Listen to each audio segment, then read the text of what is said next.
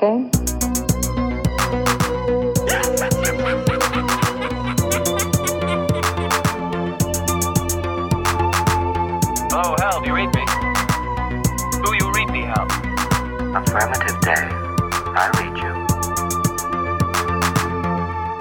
Summer Special 2 van 2023 is een feit. Na die van Bart, eh, wat een gesprek was met niemand minder dan Jeanette Goldstein, een actrice uit onder andere Terminator 2, Judgment Day, Aliens en Fear and Loathing in Las Vegas, is het mijn beurt.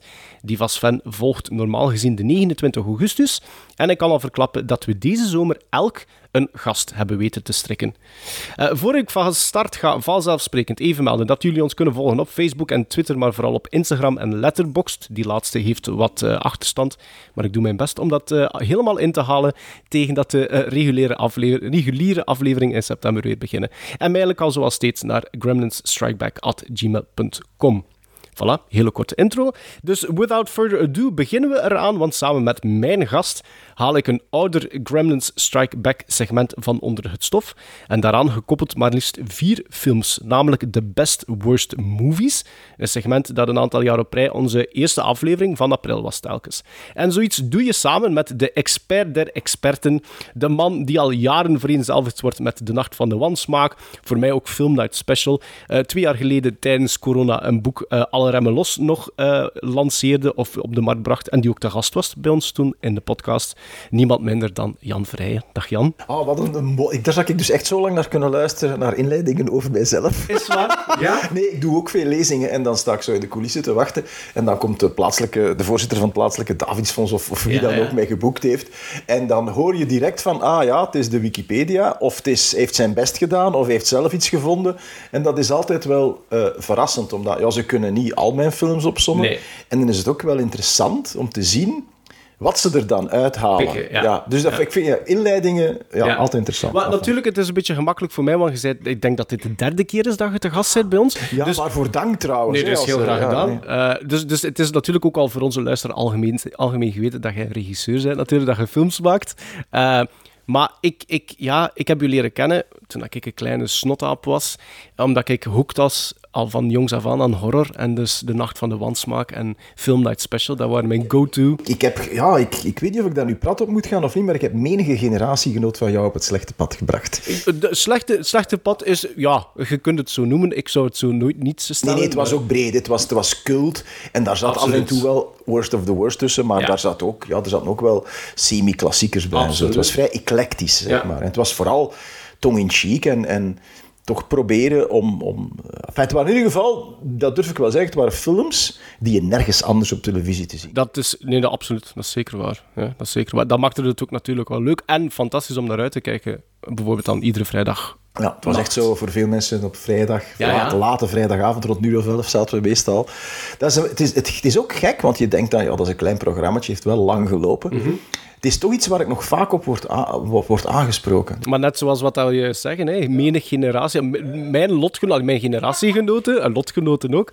Ja, maar dat was iets waar dat wij naar uitkeken. Hè. Mijn videorecord, alleen van mijn ouders dan natuurlijk, maar die was geprogrammeerd op vrijdagavond. Hè. Je zat niet, je moest je gekeken nadien. Ik, wa- wat dat ik heel leuk vond om te doen, eh, was eh, alles opnemen. Ik nam ook bijvoorbeeld buiten Film Night Special nam ik al de films op, maar bijvoorbeeld eh, de Gloriejaar, waar dat op de BBC Ja, absoluut. op vrijdag, van vrijdag op zaterdagnacht, één tot zelfs twee horrorfilms back-to-back werden geprogrammeerd. Ik nam dat allemaal op en ik vond dat geweldig. Zaterdagochtend, nog niemand wakker. Ik sloop naar beneden en ik zette mij voor de tv. Ik begon films te kijken. Ja, nee, de BBC heeft daar ook een zeer... eh, eh, wat dan toch doorgaans wordt weggezet als een, als een beetje de stuffy, de stuffy BBC. Die hebben toch ook... eh, in dat tijdslot... Ik Ja. heb veel Hammers gezien, veel Ja. Amicus. Dus de, die, die Engelse horrortraditie... Die weliswaar ondertussen, als je die dingen ziet, danig door de tand destijds is, is aangevreten. Mm. Maar ik heb die ook bijna allemaal via de BBC op datzelfde Ja, tijdstip ja, als ja. jij eh, gezien. Ja, dat is fantastisch. Eh, maar waarvoor dat we vandaag hier zijn, Jan, eh, jij gaat samen met mij nog een keer wat films bespreken die, ja, al dan niet vallen in de categorie Best Worst Movie. En hoe dat we het aangepakt hebben, jij hebt er twee aan mij gegeven, ik heb er twee aan u gegeven. En dan stel ik voor dat we straks pingpongen uh, tussen de films. Maar misschien als, als intro, als inleiding, eventjes bij, uh, stilstaan bij die term Best Worst Movie. Dan stel ik natuurlijk aan jou de allereerste en misschien wel belangrijkste vraag. Wat is voor jou een Best Worst Movie? Um ook dat blijkt redelijk persoonlijk te zijn. Net zoals dat voor, voor andere, voor normale films geldt. En ik begrijp ook wel mijn, mijn goede vriend uh, en, en uh, jouw, jouw co-host mhm. Sven de Ridder, die zich openlijk de vraag stelt van, maar waarom, waarom zou ik in godsnaam, als ik nog zoveel duizenden films uit de filmgeschiedenis in te halen heb, waarom zou ik dan naar slechte films kijken? Ik antwoord daar dan op, één, je hebt een punt. Ja. Want hoe, hoe, hoe jonger je bent... Hè, dus ik, ik, ik, ben van, ik ben een kind van de jaren 70. Ik ben actief naar de bioscoop beginnen gaan in de jaren 70. Ik heb natuurlijk de start van VHS en dan nadien DVD gemaakt. Ik heb toen veel kunnen inhalen, maar je haalt het nooit helemaal in. Nee. Ik heb veel dingen gezien, maar van, eh, laten we zeggen, tussen de jaren 30 en tussen de jaren 70 ja, zijn er ook gapende gaten waar mijn kennis alleen theoretisch is. Stel, als je nu 15 bent, dan heb je nog eens 40 jaar extra in te halen. Dus dat, dat, trek je al niet. Dus dan begrijp ik, als je de keuze hebt tussen... Ah, ik heb The Godfather nog niet gezien... Of ik heb uh, Troll 2 nog niet gezien, dat je kiest voor The God. Dat begrijp ik absoluut. Dus daar vind ik dat Sven wel een punt heeft.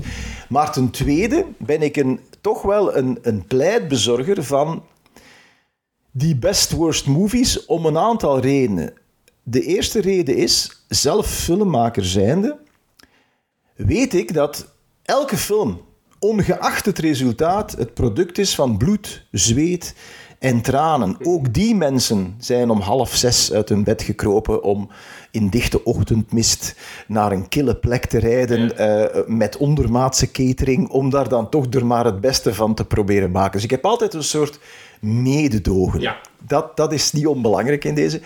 Ten tweede gelden voor mij, voor die, die, die, die, die slechte films, geldt hetzelfde hoofdcriterium als voor dan goede films. Waarbij ik benadruk dat de termen goed en slecht sowieso in de context van welke kunstvorm dan ook subjectieve termen zijn. Ja. Um, het zal straks ook wel blijken, mm ook over slechte films kunnen we het uh, uh, uh, op beschaafde wijze oneens zijn. Ehm, maar um, ze moeten entertainend zijn. De enige zonde die je als filmmaker kan begaan, voor mij, is je publiek vervelen. Ja. En het grote verschil tussen de gemiddelde slechte film en de gemiddelde goede film is dat de meeste slechte films zijn eigenlijk gewoon vervelend. Mm Echt gewoon vervelend. Strontvervelend. Mm Niet om aan te zien. Echt niet om uit te zitten. Dat geldt voor de overgrote meerderheid van die slechte films. Maar dan zijn er een aantal, en dat zijn er geen duizenden, dat zijn er misschien eh, eh, paar honderden of zo, die op een of andere manier dat overstijgen en in een andere dimensie terechtkomen. En dat is dan een combinatie van ofwel incompetentie, maar, maar incompetentie, nu, nu bestaat dat bijna niet meer, want je kan, je kan zelfs geen slechte technische, technisch kan je geen slechte film niet meer maken. Maar tot een stuk in de jaren 60, 70, eind jaren 70 zelfs, was dat wel het geval. Omdat de echte revolutie qua special effects en, en, en, en visual effects en mm. postproductie en digitale afwerking en zo, dat is, pas, dat is pas toen begonnen. Maar alles daarvoor, je ziet dus ook films die ontroerend zijn in hun stunteligheid. en grappig. Dus dat is, dat is ingegeven.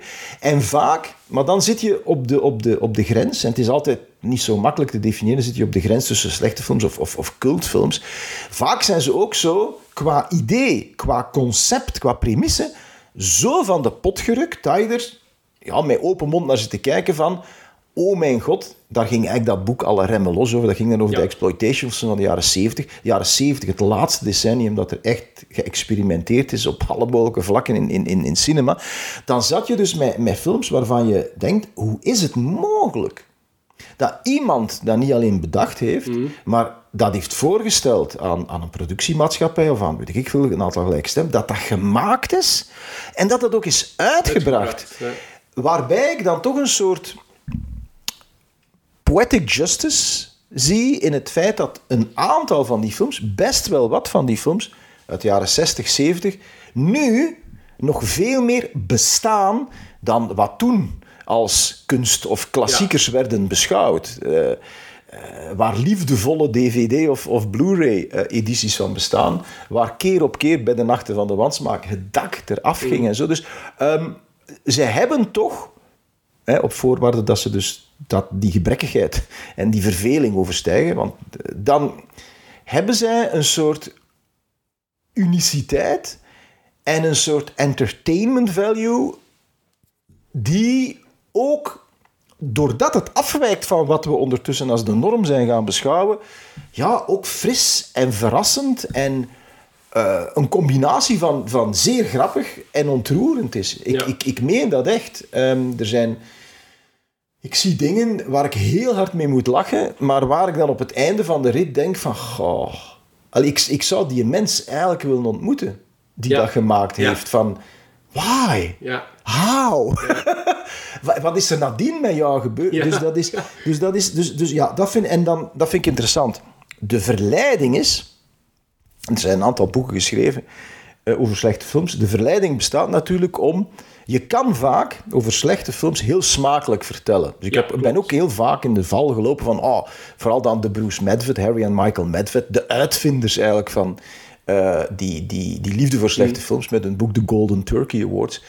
Zij hebben het een beetje zeer entertainend weliswaar als boek, vals gespeeld. Zij hebben zeer smakelijk verteld in dat boek over films die ik dan zo met alle mogelijke middelen ben gaan opsporen om dan vast te stellen, ja gasten, je kunt daar wel geestig over vertellen, maar na een kwartier valt uit uw stoel van verveling. Ja, want omdat- die zijn gewoon in C slecht. Voilà. En, en, en vooral vervelend. Ja, ja, hè. Dus ja, ik zal één voorbeeld geven, wa- wa- de- wa- wat ik een geweldig hoofdstuk vind in hun boek. The Terror of Tiny Town. Ja, Dat is een western met alleen maar dwergen.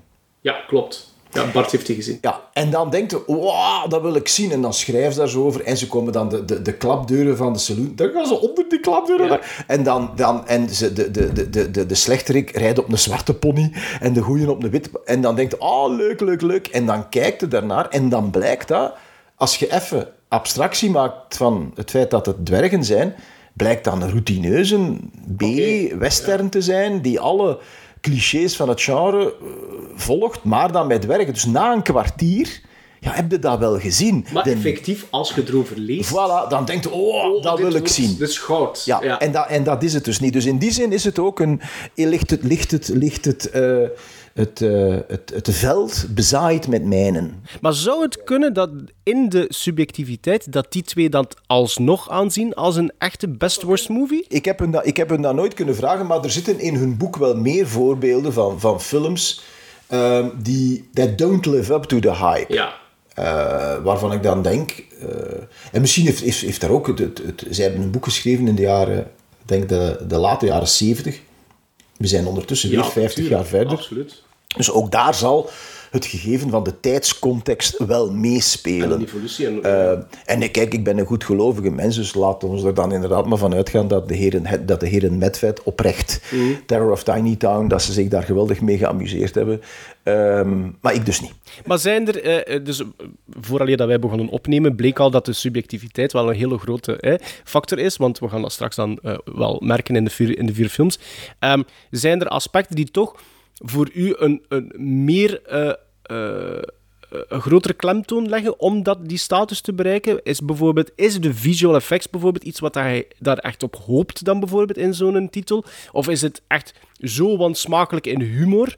Of is het echt die combinatie? Of heb je wel altijd, zijn er meer vatbaar voor bepaalde aspecten? Goh, het, is dat is een zeer moeilijke vraag, omdat als ik zo een lijst zou maken van wat zijn nu mijn favoriete slechte films, daar zit van alles tussen. Het is ook niet, veel mensen denken, ah, dat is gerelateerd aan budget. Nee, Nee, nee. dat is niet. Er zijn ook echt big-budget films die fascinerende rampen zijn. Ja, ja.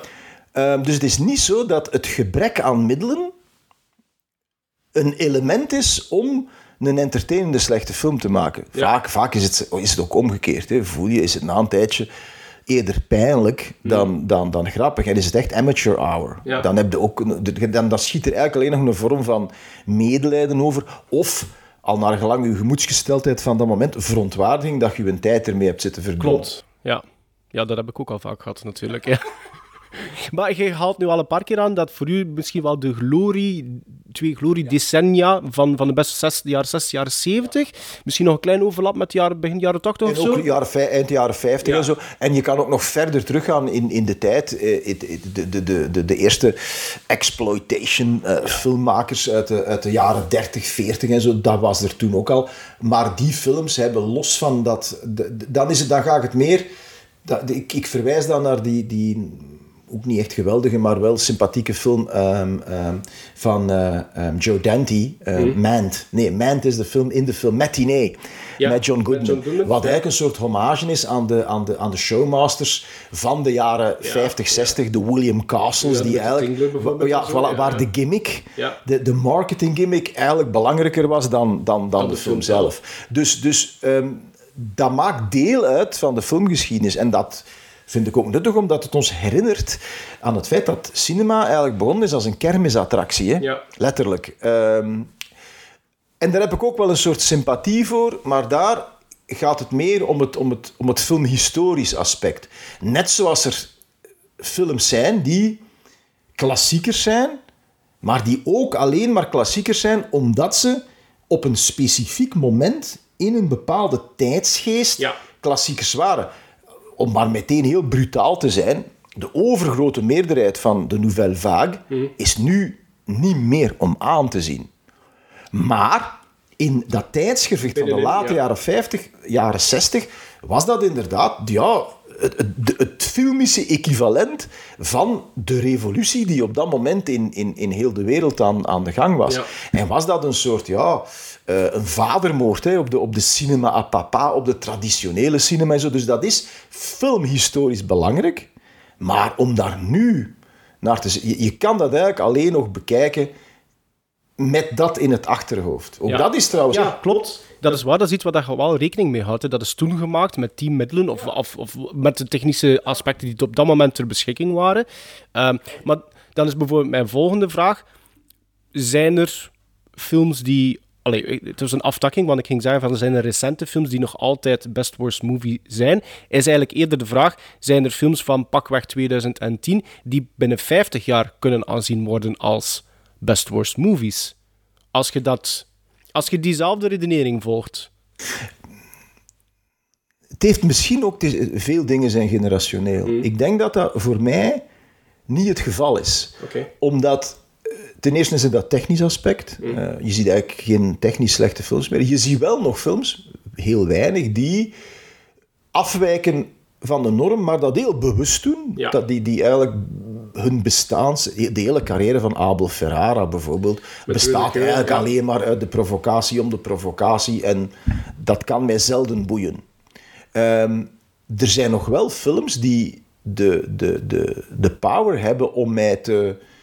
eh, dat is, ik weet niet, dat is ondertussen misschien ook al tien jaar geleden, maar omdat je vroeg naar relatief recente dingen. A Serbian Movie. Ja. Dat is een film die, die in de jaren 70 had gemaakt kunnen zijn. Dat is een van de weinige films van de afgelopen decennia die op zijn plaats zou geweest zijn in de jaren 70 en die daardoor nu een Ja. complete aberratie is. Ja. Eh, omdat we ook met andere ogen naar films kijken. We zitten in een ander tijdperk. We vinden dat nu, zoals we dat van heel veel van die films uit de jaren 70 nu moeten vinden, not done. Nee, klopt. Dus je, je hebt nog wel films die de, die de kracht hebben om, om, om te chockeren, maar dan gaat het echt meer om, om dat aspect. Ja. Om het, om het buiten de lijntjes kleuren. En daar, daar, daar hou ik op zich wel van. Ook niet al. Het is ook een heel, een heel, een heel dunne lijn. Van, van, heb je echt iets te vertellen of gaat het erom van... Kijk, ik ga mij onderscheiden van de grijze, van, van het peloton, zeg maar, door, door iets te doen dat wel zal opvallen. Dat is soms moeilijk om uit te maken. Maar om zo te zeggen, wa- waarom zijn, zijn Jan Doensen, mijn Nederlandse eh, partner in crime, eh, eh, ja, hoe lang geleden, gestopt met de Nacht van de Wansmaak? Dat was omdat voor ons het vet van de soep was. Ja, omdat wij alles uit die periode, jaren 50 tot, tot 80 zeg maar, alles wat voor ons paste in dat concept, hadden we eigenlijk gehad. Dus als we dat nog eens terug zouden doen, waar Jan heel erg op aandringt, en waar toch wel ook verontrustend veel mensen mij, eh, mij, mij, mij suggereren, Altijd dan, ja, dan zou het toch misschien weer een, een, zoals, de Rolling Stones ook nog altijd op. Dat zou een soort nostalgia Ja. trip zijn. The very best Ja. of de Nacht van de Wansmaak of zo, waarbij je alle hoogte slash dieptepunten nog eens op een rijtje zet voor de fans. Ja. Dat wil dan ook wel inderdaad zeggen dat sinds eh, het stopzetten van de Nacht van de Wansmaak, dat jij eigenlijk niet veel nieuws ontdekt hebt die alsnog zou kunnen. Ja, he- misschien heel af en toe. En ah, de, de, omdat er nu zoveel boutique labels zijn, wordt er af en toe nog wel eens iets uitgemaakt. Maar dan is het vaak ook iets dat uit die periode dateert, Klopt. maar nu terug uit de vergeetput wordt gedrecht. Eh, en dan, daar, daar zie je nog wel eens iets. Maar zo echt van eh, recente films. Dus er is in ieder geval, ik, ik, ik zou heel hard moeten nadenken en voor mijn collectie moeten gaan zitten en wat, wat lezen en zo, om, om er tien te vinden, Ja. lijkt mij. Ja. Eh, maar ik ben absoluut bereid om te aanvaarden dat dat misschien een generationeel ding is. Dat, dat iemand die, die nu, de, de, de 16, 17-jarige die, die naar de bioscoop begint te gaan, dat die een paar keer dingen ziet van ho, ho, ho, dat was slecht, maar toch ook wel plezant. Je zit natuurlijk ook... Allee, laat ons een zeer recent voorbeeld nemen, de Mag en de Mag 2. Dat is natuurlijk cult met voorbedachte raden. Ja. Dat is, en dat is ook een beetje eh, waarom zit in, zal in mijn selectie nooit jamais de la vie Attack of the Killer Tomatoes zitten, wat ook een ontzettend vervelende film is, omdat het ook it tries too hard to be cult. Alleen al de titel Is, is met Voilà. die bedoeling. Voilà, betekent, dus dat is dat. Nee, nee, dat is voor mij een zeer belangrijk criterium. Het moet onbewust slecht. Oké, want dan heb je misschien al antwoord gegeven op mijn laatste vraag, vooral dat we dan misschien aan de films beginnen. Kan je bewust van, van in treatmentfase een best worst movie proberen te maken? Of is dat altijd, dat moet onbedoeld zijn? Voor, voor mij Ja, wel. toch? Ja, voor dat vind ik wel. ook. Ja, voor mij ik wel. Omdat anders maak je een. En zo zijn er gemaakt. Hè. Eh, mensen die, die de, Jo- de John Landison en de Joe Dantes Ja. van deze wereld hebben daarmee geflit. Amazon Women on the Moon. Oh, maar John Landis is die begonnen met die Sasquatch-achtige Ah ja, Yeti, met, eh, hoe heet het nu weer al? Enfin, ik ben het nu kwijt. Ja, eh, met die in de gorilla. Ja, ook, maar ook niet meer om aan te zien. Ehm, dan is het... Dan, dan zou je nog kunnen zeggen, het is een liefdevolle hommage. Mm. Maar het, het, het, kan, het kan per definitie niet in, in mijn visie van Ja. best worst films passen, omdat ze gemaakt zijn bijna om daarin te passen en om de liefhebbers van dat soort films te plezieren. En dan zit je veel meer in de nudge-nudge, wink-wink sfeer van kijk eens, wij hebben hetzelfde referentiekader. Terwijl de films die, die, die voor mij dan, dan, dan werken, dat doen op een subcon- subconscious level bijna. Ja. Nee, klopt, dat, dat, dat, dat treed ik er volledig bij. Ehm, ik denk dat we er dan strakjes door kunnen gaan. Het, mag, het zal de luisteraar niet verbazen dat jij effectief voor twee films hebt gekozen. Dat wil ik al lossen van de jaren 70. Ik ben ietske later geweest. Het is van mij eentje van midden jaren 90. En de meest recente, tussen aan, ja, de meest recente, hè, tussen aanhalingstekens, is er eentje inderdaad uit het jaar 2000. Voordat we beginnen, Jan, heb ik nog een anekdote te vertellen. Eh, we hebben de Nacht van de Wansmap is nu effectief al een paar keer gevallen. Jij moet mij helpen met een jaartal. En het jaartal zal je moeten bepalen aan de hand van een foto die ik jou nu ga tonen. Ja? Dus ik zal eventjes mijn gsm doorspelen. Ben jij dat? Voor de luisteraar, dit is dus een Ik foto. kijk naar een, een foto van een, een jongen. Eh, Jan Verheij. Een jonge Jan Verheijen en een jonge, eh, echt wel sexy, Maarten Melon. Enfin, nu nog, hè. Nu nog, hè, Ah, Maarten. Ja, ja, nu nog, hè. Maar, Ik maar zal eventjes die spiegel van voor je neus weghalen. je, Ja, moet, ja. je moet, nee, nee, je moet, je moet dat trouwens op, op je Insta, allee, op die, al die, die sociale media Ja, dingen, hè, dan moet je, dat, dat, dan moet je dat, die foto daarbij zetten. Maar dus, dus, dus Jan is aan het kijken naar een foto.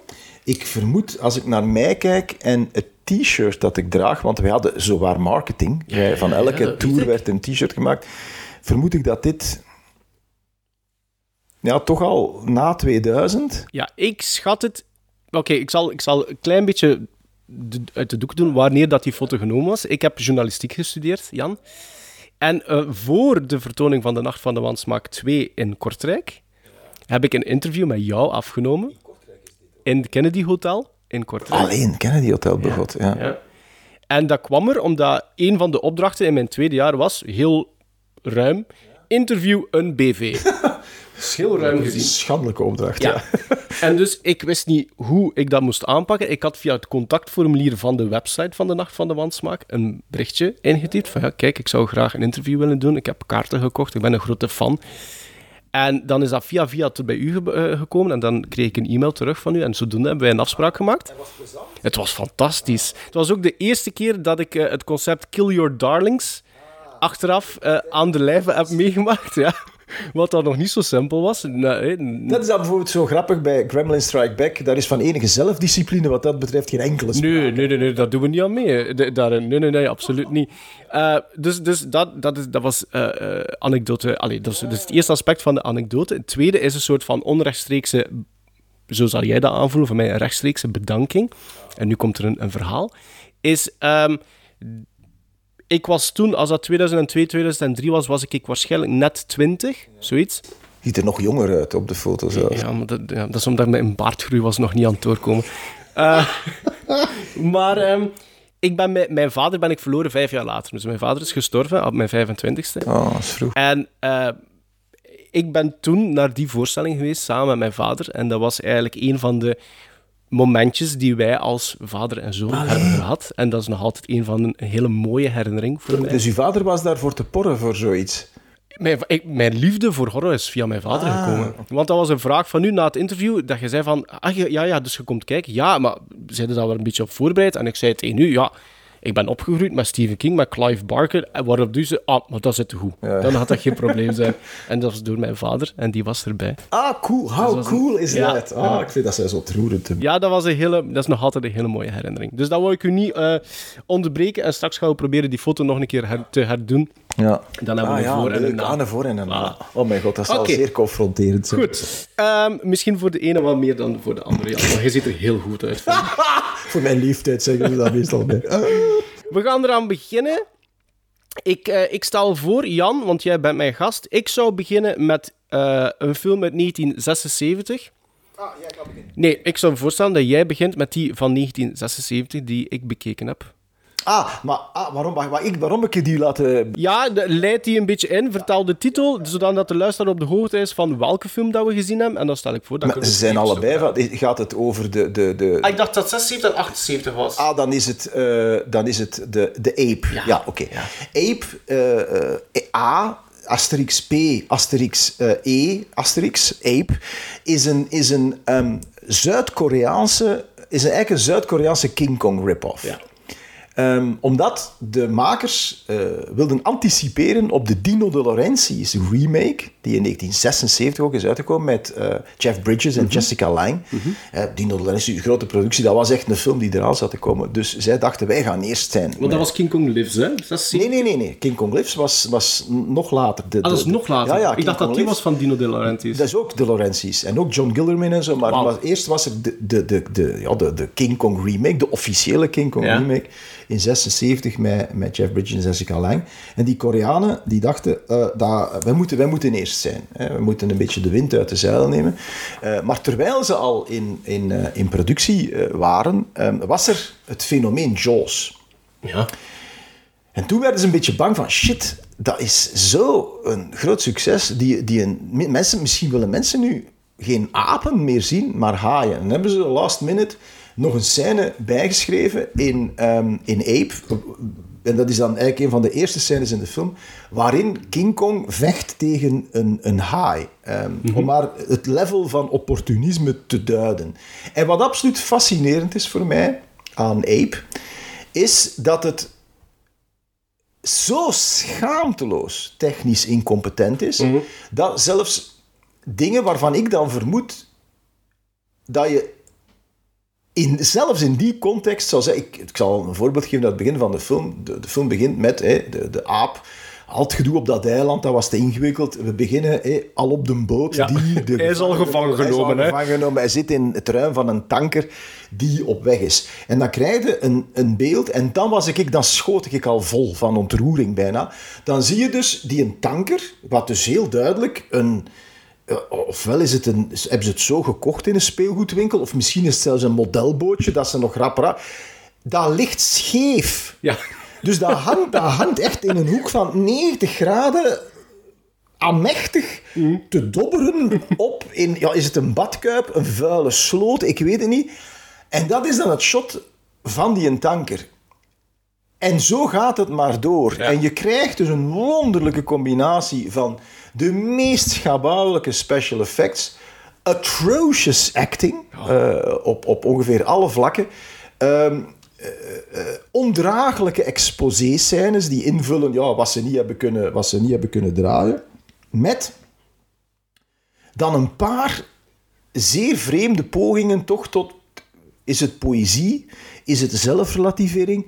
Ik weet het niet, maar wat, een, wat, beelden die op mijn netvlies gebrand staan en waarbij de, in de nacht van de wasmak ook echt het dak eraf ging, ja, ja. dan zie je dus die een aap, die, het speelt zich ook af in, op het, in Zuid-Korea, dus hij is dan op weg. Het is niet Tokio dat vernield wordt voor een keer, maar Seoul. Dus hij is op weg naar Seoul, stapt door het Zuid-Koreaanse platteland en ehm, is ook zich bewust van, van andere dieren. Want hij ziet in de weide een koe staan. Maar wat je dan ziet, is effectief zo- zo'n koe van zo'n Fisher-Price Ja, boerderijtje. ja, ja. En dan stapt hij daarover, over dat... Ja, ik vind dat schoon. Schattig, hè? Dat is schattig. Ik vind dat... Ik snap, ik snap het, maar het is misschien... Ja, poëzie is misschien een woord dat enkel Jan Verheyen in zijn mond zou nemen bij bekijken. ja, ja. Maar dat inderdaad, ja, geniet wel... En, en het is dan, wat, wat ook merkwaardig is, het is gemaakt door een Amerikaanse regisseur. Ze hebben een Amerikaanse regisseur ingehuurd, Paul Ledder. Ja. Die nog een tiental andere films heeft gemaakt, waar, ik nog, waar ook geen spoor meer van te vinden is. Maar die, pour la petite histoire, de papa is van Mimi Ledder. Regisseuse van heel veel afleveringen van ER, The Peacemaker met Nicole Kidman Nicole en George Clooney. Clooney. Grote carrière gehad. En zij was stagiaire eh, op, Op die- op die op set. Ape. Dus, dus dat denkt van, kijk, er is toch iemand nog goed terechtgekomen. Ja. En de Koreanen dachten dat ze dus echt ja, Hollywood gingen veroveren. En hebben het ook wel wat middelen ter beschikking gesteld. Het kort is ook nog eens in, in, in 3D. Ja. Wat dus leidt tot eindeloze scènes van traag naar de camera stappende soldaten met een bajonet Ja, op hun ja, geweer. dus het Zuid-Koreaanse leger heeft zijn medewerking verleend. En het, is ook, het heeft ook een, een oorverdovende score van het Seoul Symphony Orchestra. Dus het, de, de eigenlijk is het beste van de film... Op, dan denkt je nog van, oh, het is een film, de generiek. Ja. Dus de begingeneriek, terwijl het Seoul Symphony Orchestra echt Aanswelt van jetje en- ja, geeft. ja. En vanaf het eerste shot van die een boot weten van, oh, het is helemaal iets anders. Dus ik heb daar, ik heb daar, ja, ik vind dat, ehm, als ik een top 10 zou moeten maken van de meest entertainende slechte films, dan denk ik dat Ape daarin staat. staat. Ja. En hoeveelste keer... Wat heb je hem herbekeken? Ja, ja, ik heb, we hebben hem, we hebben hem, we hebben hem ehm, nee, nee, niet voor deze uitzending specifiek, maar eh, eh, we, hebben dat, we hebben die een aantal edities meegesleurd op de Nacht van de Wansmaak, weliswaar met fragmenten. Ja. Ik heb hem een tijdje geleden, toen ik met alle remmen los eh, bezig was, nog eens terugbekeken. En er is nu een vaag idee voor een, een boek, waarin ik dan effectief de, de 50 beste, slechtste films aller tijden, en ik denk dat ik hem dan nog wel eens ga Ja, bekijken. ja, Ehm, omdat, en, en ik zou zeer benieuwd zijn wat, wat onze goede vriend Sven daarmee zou doen. Of hij daar dan toch... Omdat je kan heel veel zeggen van, Ja. van Ape, maar vervelend is dat niet. Hè? Of, of ben je het met mij oneens? Eh, het, het, het- nee, ik vind het een hele entertainende film. Het, eh, mijn biggest issue, maar dat heb je wel vaker met dat soort films, is inderdaad dat meestal... Ik vond die eerste vijf minuten van Ape vond ik fenomenaal. Ja, ik vond dat hè? grandioos. ik vond dat fantastisch. Het ene, Niet- het ene hoogtepunt. ja, niet alleen dat bootje, maar ook de, het eerste dialoogje tussen die twee mannen, wat dat die een zijn stem in post volledig vervangen geweest is. Die stem past daar volledig Totaal niet, op op die man. Ehm, eh, ook de, het, het geluidsspoor die aan en uit springt telkens als er iets gezegd wordt, dat vind ik fantastisch. En dan natuurlijk, ja, de, de, de, de, eh, ons eerste shot van onze King Kong rip-off, dat, dat, was, dat, is, dat is lachen, dat is huilen, dat is, dat is fenomenaal goed. Maar als je dan ook merkt, zoals dat gezegd, van... ehm, er was weinig budget, neem ik aan. Maar keuzes om dan misschien het weinige geld te concentreren op een bepaald aspect, dat was er ook niet. Want onze aap ziet er echt niet goed uit. Nee, het is, want je hebt in de categorie van, van mannen in, in apenpakken, Ja, ja. Het, het, het, it's bursting at the seams. Ja, hè? ja. Het is een slecht zittend Heel pak. slecht. Je ziet, je ziet de naden die op het punt staan van het te begeven. Ja. Het is, de, de, de, de ogen zijn ook een soort knikkers. Het, totaal geen expressie. Ja. Het is van een... Het is, het is een masker dat je volgens mij in de eerste en beste carnavalzaak Ja. kunt, gaan, kunt gaan kopen. Wat toch ook een soort schaamteloosheid heeft. Want ik ken Paul Ledder niet, maar die zal niet blind geweest zijn. Hè, Mm. Wel, ja, die moet dat toch ook gezien hebben. Ja. En die moet dan toch gezegd hebben... Mannen, we gaan het toch doen alsof het voor recht is. Klopt, en het, het, is niet als ze eh, shots van de aap schuwen of zoiets. Nee, nee, hè. nee. De, de aap zit er heel veel in. Het is niet dat dat opbouwt naar een momentje waar dat je dan 30 seconden van mayhem hebt of zoiets. Nee, dat zijn vijf minuten aan een stuk waar dat je een aap wat ziet slaan met zijn armen. eh, waar- Terwijl dat er zelfs niks gebeurt. Ja, ja, het is echt het is, het is, het is wonderlijk. Ja. Maar dus die eerste vijf minuten waren, waren fantastisch. Hetgeen dat, dat die films wel bij mij soms wel kenmerken, is dat het tempo dan wel drastisch naar beneden gaat.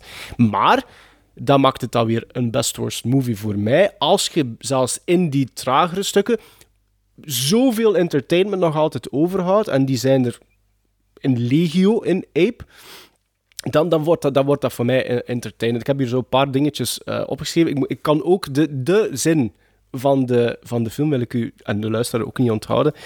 Ehm, maar wat was er? Er is een stukje eh, in Seoul, of op weg naar Seoul, eh, een soort van theme park, eh, Ja, ja, Familyland. Ja, ja. Waar kinderen op de glijbaan zitten en schommelen. En doorheen de film, dat is ook heel typerend voor, voor, de, voor, voor Ape, is dat ehm, de mensen die torenhoge aap ook nooit opmerken. Dus Tot die echt al boven hun hangt. ja, we zien eigenlijk, we zien eigenlijk onze King Kong rip-off eigenlijk heel, ja, ik weet niet, vertederend kijken naar kinderen die aan het schommelen zijn. Totdat er eindelijk, na zes minuten of zoiets, de begeleidster, denk ik nog zelfs, plots, denk ik zelfs naar de verkeerde richting wijst. En dan iedereen, ja, sommigen kijken links, sommigen kijken rechts, maar dan hebben ze de aap ontdekt. Tussen aanhalingstekens. Er was ook niet genoeg eh, geld om te superimposen of zoiets, of wat dan ook. Dus als de mensen weglopen, dan weet je niet voor wat dat ze weglopen. Je ziet geen apenpoot in, in, in het scène of in het shot staan. Dus het is gewoon, je kijkt naar mensen die aan het weglopen zijn. Eh, maar dat zijn van die, van die leuke dingetjes. Ehm, En wat is de zin die, eh, die je specifiek... wel, dan moeten we eventjes inleiden, want er is wel een Amerikaanse ster die in Ja. Ape zit. Ster is misschien een groot woord. Ja, maar eh, hoe heet ze? De... Joanna Drew of zoiets? Ja. En ze, want ik heb, moet op, ik ken, ze zit in een, in een langlopende... Ja, Growing Pains, dat is de mama. De mama in Growing ja, Pains, Growing ja, Pains. ja, Ja, dus dit, dit is dat, de meest allee, de bekende kop die in de film zit. Ehm, die speelt een actrice in die film. En die Ja, is... is de Jessica Lang van Klopt, dienst. Ja. dus die is de damsel in ja, distress. ja, ja. De Fay Ray, laten we dan maar zeggen, als ze toch eh, wel schatplichtig zijn. Eh, maar die is dus een film aan het opnemen in Seoul. En eh, er is een scène die ze, die ze moeten opnemen. En dat is best, best een heftige scène, want dat is een verkrachtingsscène. Ja. En op een gegeven moment zegt de regisseur... eh, gaan ze beginnen draaien. En de regisseur wil nog een laatste eh, eh, eh, eh, een tip meegeven aan de man die de verkrachting moet doen. En die zegt heel sappig... Remember Glenn? Rape her gently. Ik heb dat teruggespoeld. Maar dat, heb- is, dat, is, ja, dat is dus ook jaren zeventig. Ja. De, de, de, de, de, de manier... Heel veel van die films zijn nu... Ja, dan krijg je ook... Als je dat niet inleidt, krijg je in de zaal echt een soort gasp van... Ja. Heeft hij dat echt gezegd? Ja. En ja, ja dat, is, dat, is, dat is natuurlijk niet het fraaiste aspect van, maar dat maakt ook deel uit van... Ja, only in the 70s. Only in the ja, ja. 70s. Ja, Maar is, ik, vond het wel, ik vond het wel heel... Ik vond, dit vind ik... Later zullen we onze mening nog verschillen, maar dit voor mij was een eerste kennismaking. Ja, ik die, ja, ja. die fragmentjes heb ik gezien uit de nacht van de ja. Maar dit was de eerste keer dat ik die volledig... Want het is een uur vijf of een uur is dertig. het is de normale lengte. Enfin, toen normaal 90 minuten. Ja, het zal net En ik- 90 ja, zijn, denk en, ik. En eigenlijk is dat ook al iets te lang. Maar goed, maar er, het, wat jij zegt, hè, er zit inderdaad er zit wel wat padding bij van Mm. de aap die zich verplaatst. Maar het, er komt dan altijd terug wel een, tussen aanhalingstekens, grote scène. Ja. Eh, het, het Familyland, de ontvoering van de actrice, eh, de traditionele vernietiging van, van, van Seoul, het leger dan in de finale die... Dat zal wel alles wat gesponsord, neem ik aan, Ah, want ja, dat was dat is- shot na shot na shot van tanken en jeeps. Dat is, maar dat is echt, ik, ik vermoed dat in die tijd, ehm, Propaganda was dat ook, hè? voor een stuk propaganda, maar zowel Zuid- als Noord-Korea trouwens. ehm, en Zuid-Korea is daarin geslaagd. Zuid-Korea heeft op dit moment een, een, een van de meest dynamische en kwalitatief hoogstaande... Eh, nee, nee, eh, film. Ah ja, zo, op die Eh, manier. Ja, ja. Zuid-Koreaanse cinema is echt, dat is echt, dat is echt top en zeer populair in eigen land. Dit staat helemaal aan het begin. Dat is ook echt een bewuste keuze geweest van een aantal regimes. En ook het Zuid-Koreaanse, want dat, wij gaan daarop inzetten. Wij willen onze eigen nationale cinema. Ja, en je bent zoekende natuurlijk. Hè. En, en, en je wilt voor een stuk je wilt festivals doen, maar je wilt ook een commerciële basis hebben. En zij dachten allicht ah ja, dat is een goed idee. Ape, daar Ja. gaan we, daar gaan we. En het is ook tot op, het, de ironie is, tot op zekere hoogte is het ook geslaagd, want die film heeft een Amerikaanse release gekregen, Mhm. trouwens met een geweldige poster waar in vette letters onderaan op staat, not to be confused with the original King Kong. En gelukkig, hè, dat, je, dat moest dat mensen... nog nodig zijn, ja, ja, eh, dus nee, dus die film is, is in die wonderlijke jaren 70, is ook bij ons. In, in, ik heb dat in de zalen gezien. En eh, om maar te zeggen, dat is ook natuurlijk maar anekdotisch. ehm, in die jaren 70 bestond er nog een vrij streng systeem van prioriteiten. Mhm. Wat bedoel ik daarmee? Een film kwam eerst uit in de grote steden, de A-steden. Ja. Als die daar uitgespeeld was, meestal na zes weken of zo, ging die naar de B-steden. En dan ging die nog naar de wijkbioscopen in de kleinere regio's. Ja. Die vaak al op hun tandvlees zaten van ja, iedereen die het wou zien, had het dan wel gezien. En ehm, ook King Kong, de Jessica Lange, Jeff Bridges, Dino De Laurentiis King Kong, was dus, die kwam dan uit met heel veel publicitair gedruis in 1976. En ik heb dan in de British Palace in Temse, dat was de laatste overble- overgebleven bioscoop in mijn geboortedorp Temse. Ik was toen ik was 13 jaar of zo. En die hebben het zo grof gemaakt om met eh, het, het, eh, de poster, eh, het, het, het, het, het clichétje van Ja. King Kong, Ja. te adverteren. Ah, dus ik, amai, die hebben, en ik, ik had al zo door, hier klopt iets niet. Dus Op. ik, ik op zondagnamiddag naar de British Palace met heel veel andere mensen. En wat kregen wij daar te zien? Ape. Oh nee. Dus, dus het is ook effectief eh, ja, wel- in de strijd gegooid op de, op de gunst van het publiek. Eh, Trouwens, het was een, het was, ik ken het nog altijd, het was een double bill met Net. King Kong versus Godzilla. Oh. De Japanse. eh, dus dat was nu wel van Guten etwas zu viel. Maar, eh, maar eh, nee, nee, dus ik, ik, dat is nog een van, ja, redelijk. eh, Ik herinner me nog altijd met zo'n een joelende zaal, eh, voornamelijk kinderen op zondagnamiddag op de, op de matinee, die ook al vrij snel door hadden van ja, dat is niet wat ons beloofd is. Hè. Maar dat was, was, ik denk dat we toen, dat was 20 frank. Hè, Ja, ja, ja, ja, ja. Dus enfin, wat, dat passeerde dan wel. Ehm, ja, de, de, de, de Ape. eh. en ik, het is een van die films, nogmaals, we moeten daar duidelijk in zijn, als je de keuze hebt tussen The Godfather of Ape, ga dan voor The Godfather. Ja. Maar in de juiste omstandigheden, op een vrijdagavond met een paar Ja. vrienden en pizza's erbij en, en eh, eh, een juppeke, eh, of hoe het ook mogen heten, eh desnoods een, ka een in dit geval misschien nog interessanter, dan werkt dat wel. Zo, hè. Ja. Maar ik denk voor u dat je dat alleen ook heel hard Oh ja, ja, ja, Ik, vind, ik kan daar echt... Dat is een van mijn... Ik noem het... Hebt, ja, ik vind dat een onschuldige afwijking. Ik doe daar niemand kwaad Nee, mee.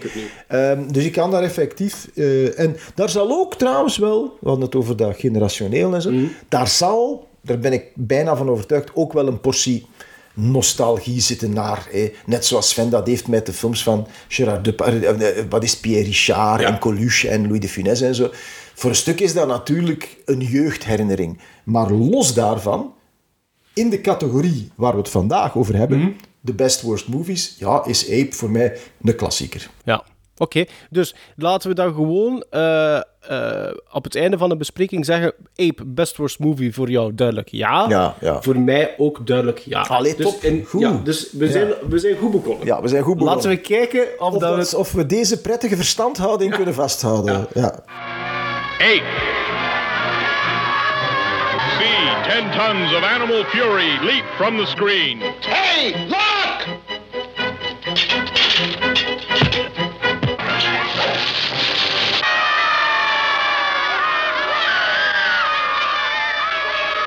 See 8.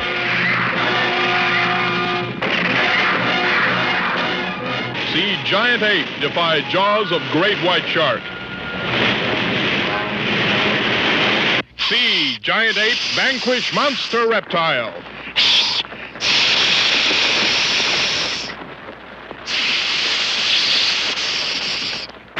ocean liner demolished.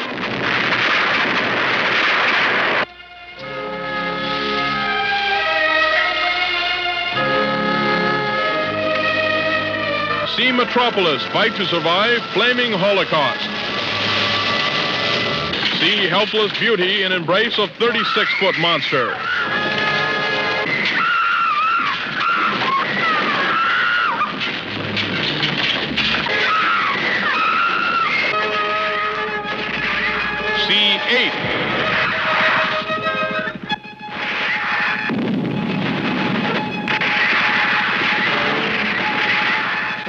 Ja, dan mag, dan mag jij mij iets voor de, voor de voeten gooien. Hè. Waar wil je beginnen? Maar ik, zou, ik ga beginnen met de, de oudste dan, die van 1995. Ik zal ook direct kaderen waarom dat ik die gegeven Ja, heb. dat ik heb, die, mij ik heb dat klein beetje... Allee, ik ben voor mijn collectie gaan staan, daar kwam het eigenlijk op neer.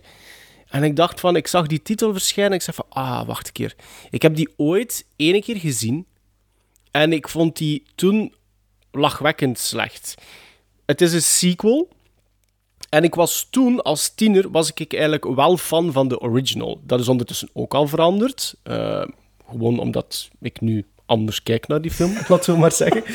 Maar ik dacht van, tja, zou dat passen in, in, in dat concept? En dus eigenlijk was het voor mij een even groot experiment om pakweg, ik zeg het 95, om, om pakweg, ja, eh 20 jaar, eh, bijna, bijna 20 jaar na datum, nog een keer te zeggen van, ah, let's give it a go. Ja. Dus de film dat wij bekeken hebben is Lawnmower Man 2 Beyond Cyberspace uit 1995. Is de opvolger van The Lawnmower Man uit 1992 met Jeff Fahey in de, in de hoofdrol. Eh, waarover gaat die film? Dan moet ik eigenlijk misschien eerst uitleggen over wat dat de eerste gaat. Eh, Jeff Fahey speelt Job Walker. Dat is een man met een mentale handicap die gras afrijdt tegen betaling. Daar komt het op neer. De Lawnmower Man, hè? en Pierce Brosnan is een wetenschapper die via VR ervan overtuigd is dat hij mensen slimmer kan maken. En hij ziet in die Job de perfecte guinea pig. Maar dat loopt niet goed af wanneer blijkt dat hij niet alleen bijzonder intelligent wordt, maar ook over godlike powers begint te beschikken. En zeker in die VR-setting. En die eerste film eindigt eigenlijk met een Job die vastzit in die VR-omgeving en eigenlijk ternauwernood al dan niet weet te ontsnappen. Voilà, cliffhanger op het einde van deel 1. Tot mijn eigen grote verbazing wordt daar dan een sequel op gemaakt. En gelanceerd in 1995. Blijkt dat die Job Walker, dus het personage dat Faye vertolkte, nog leeft, maar hier belichaamd wordt door Matt Frew- Frewer. Ehm, dat is een karakterkop. Die mens heeft wel wat dingetjes gedaan. In de juiste type film is die niet slecht. Ik vind dat geen slechte acteur, dus die kan wel wat eh, acteren. Belichamen is natuurlijk ook wel een groot woord, want hij beschikt niet meer over een volledig lichaam, want beide, zijn, beide benen zijn op een mysterieuze manier verdwenen toen hij op het einde van die eerste film eh, probeerde zijn omgeving te ontvluchten. Maar dat is dus eh, de, op, het opzet van, van, eh, van de tweede film. Job leeft nog, die wordt ingeschakeld door een of andere... Hoe moeten we dat zeggen? Evil corporate guy om een chip te creëren, om inderdaad weer een grote VR-omgeving te creëren, waardoor dat die man eigenlijk iedereen kan in het zak zetten en, en geld verdienen. Dus daar gaat eh, Beyond Cyberspace over. Ik ben benieuwd, Jan. Ik, ik denk dat, dat dit wel een, een, misschien een verschil gaat worden of net niet. Maar het is, het- ik, eh, ik herinner me vaag de eerste, Lawnmower Man. Ja. Wat een verrassingshit was. Ja, klopt. Ehm, dat is ook de enige reden waarom Lawn- Lawnmower Man 2, Beyond Cyberspace, alternatieve titel Job's War, Ja, eh, wat op de, op de generiek staat Job's War, ehm, is gemaakt. Eh, trouwens, en ik weet niet of ik het moet geloven, want je moet niet alles geloven wat op IMDb staat, maar naar verluid met een budget van 15 miljoen dollar. Wat mij veel lijkt in verhouding tot wat ik heb gezien. Ehm, alleen kan ik niet beoordelen of de visual effects die in de film zitten, eh, die nu ja, door de eerste de beste tiener met een fatsoenlijke laptop beter zouden gedaan Hmm. worden. Misschien was dat in 1995 nog wel cutting edge. Ik durf het te betwijfelen. Ik, maar als ik me niet vergis, in de, de, in de originele zitten, dacht ik acht minuten die echt computer-generated waren. En die waren immens duur om Ah, dat ja, te doen ja. in 92. Dus met drie jaar verschil kan het wel nog altijd zijn dat dat een grote hap had. En in die zin, eh, door wat je nu zegt, is al meteen duidelijk dat de tand destijds zeer onvriendelijk is geweest. Zowel voor de eerste, neem ik aan, als voor de tweede. Omdat dat nu ja, wat pijnlijk is. Hè? Ja. Dat, is dat is echt, ja, dat zijn, dat zijn totaal voorbijgestreefde eh, ongeloofwaardige visual effects. Dat tot daartoe, dat wordt natuurlijk wel een probleem als dat de bestaansreden van je film is. En je hebt een nobele poging gedaan om te zeggen, daar gaat het over. Maar waar het over gaat, het is mij een raadsel. Het is een van de slechtst vertelde films die ik ooit heb gezien. Het is een zootje Ja. waarvan, waar een kat zijn jongen niet in terugvindt. Eh, eh, je zou kunnen zeggen, het heeft wel tempo. Het, het raast dus inderdaad van de ene eh, geïsoleerde scène naar, naar, naar de andere. Maar het wordt alleen maar frustrerend, omdat je, omdat je er geen vat op krijgt. En wat, voor mij, wat je te zien krijgt, voor mij past het niet in het concept, omdat het... Ja, ik begon mij al heel snel... geweld, nee, erger zelfs niet, vervelen. Wat voor mij het allerergste is. En ik heb dan een beetje troost geput. Hier en daar valt er nog wel een, een, een, een one-liner waar ik dan mee moet lachen. Het is ook ontroerend hoe die regisseur, eh, jongeren, hè, de- je hebt zo het clichébeeld van de, eh, in 95 de, de rebelse jongeren. En die, Ja. die, die, die roepen dan dingen, wow, that was awesome. Hey, cool. Man, are you okay? Dus dat soort, dat soort volstrekt onnozele teen slang, eh, waarvan je ook direct weet, ja, dat is door eh, door een, een mens geschreven die, die wellicht eh, jongeren van heel ver onder een brug heeft geobserveerd of zoiets. Ehm, dus dat is, dat is... De dialogen zijn trouwens... Er zitten ook een enorm gênante exposé-scènes in, waarin iemand probeert uit te leggen wat er gebeurt. Wat niet veel helpt, want je weet het nog, niet. niet. En mijn favoriete zin is dan, is dan ook die van... eh, Er, is dan, er komt ook altijd... Je hebt een evil corporation. Ja. Dan komt er ook altijd een corrupte senator, hè, want die moet dan zijn toestemming geven om dat ding op de markt te brengen. En die krijgt dan een hele uitleg van wat dat, dat die virtual reality, die cyberspace, die bedacht is door het Virtual Light Institute, wat dan ook een soort fascistische eh, setting heeft, met allemaal mannen in zwarte uniformen en zo. En dan krijgt de mail die een uitleg en dan zie je die mens zo knikken en dan zegt hij zo, I'm still a little unclear how this all fits together. en dat vond ik dan, ja, Dan, dat is echt zo, ja, dat is wat ik dus ook eh, zit te denken. Eh, dus laten we zeggen dat er ik heb vijf quotes opgeschreven waar ik mee moest lachen. Maar dat is voor mij ook echt enige lichtpunt. Ik vind ehm, eh, Patrick Bergen, die ik waarvan, ja, die heel even zo, doordat hij in Sleeping with the Enemy zat, naast Ja. Julia Roberts, Ja. die heel even zo onderaan de A-lijst een paar jaar heeft gehangen. Eh, maar die is, dat is, ja, die is zelfs niet goed, vind ik, als slechterik. Die Matt Frewer. Die is eigenlijk vooral bekend, ik, ik, ik, dat, dat is een heel vage herinnering, maar dat is een van de eerste MTV-vedetten. Die, die speelde zo'n personage, Max Headroom. Dat is dezelfde regisseur En, trouwens. dezelfde, en het, is, het is dat pakketje dat ze dan hebben geërfd. Ja. Wat mij nog het meest verbaasde, is dat die mens nadien nog werk heeft gekregen. Die Farhad Man. Ja, die heeft nog een paar dingetjes gedaan, inderdaad. Die is, nog, die is zelfs nog altijd bezig. Die is nog altijd ik, bezig. Die heeft twee, die 42 credits. Ja. Vooral voor onnozele tv-films en zo. In hetzelfde jaar als Lawnmower Man 2 heeft hem ook nog Return to Two Moon Junction gemaakt. Ja. Ook een sequel op zo'n verrassingshitje dat dan in de sfeer van de erotische thriller zat. Enfin, eigenlijk, ik vond het vooral vervelend. Eh, ik zou er, je zou er bij wijze van spreken... Ik denk dat Harry en Michael Medved er misschien toch een paar bladzijden uit, ze- uit zouden kunnen puren. Ja, want mijn- waardoor je geïntrigeerd zou geraken. Ja, want mijn vraag zou zijn: klopt het soms een, of klopt het soms een klein beetje op de deur met bepaalde aspecten? Ja, met die, vooral met de dialogen. Ja. Dus dit is zo, eh, eh, eh, zo als, ja, ook wetenschap. Wat is een wetenschapper? Iemand met een witte jas aan. Juist. Die sfeer, en die zegt dan dingen als: all, the, all this technology, it consumes the soul. Zo, dat soort, en dan met, met grote ernst gedebiteerd, dan, dan krijg je nog wel een glimlach op mijn lippen. Maar eh, verder vond ik het toch vooral. ehm, ik denk dat ik. Ja, ik denk dat ik op een bepaald moment toch wel zo eens op de fast forward Ja. heb geduwd totdat er.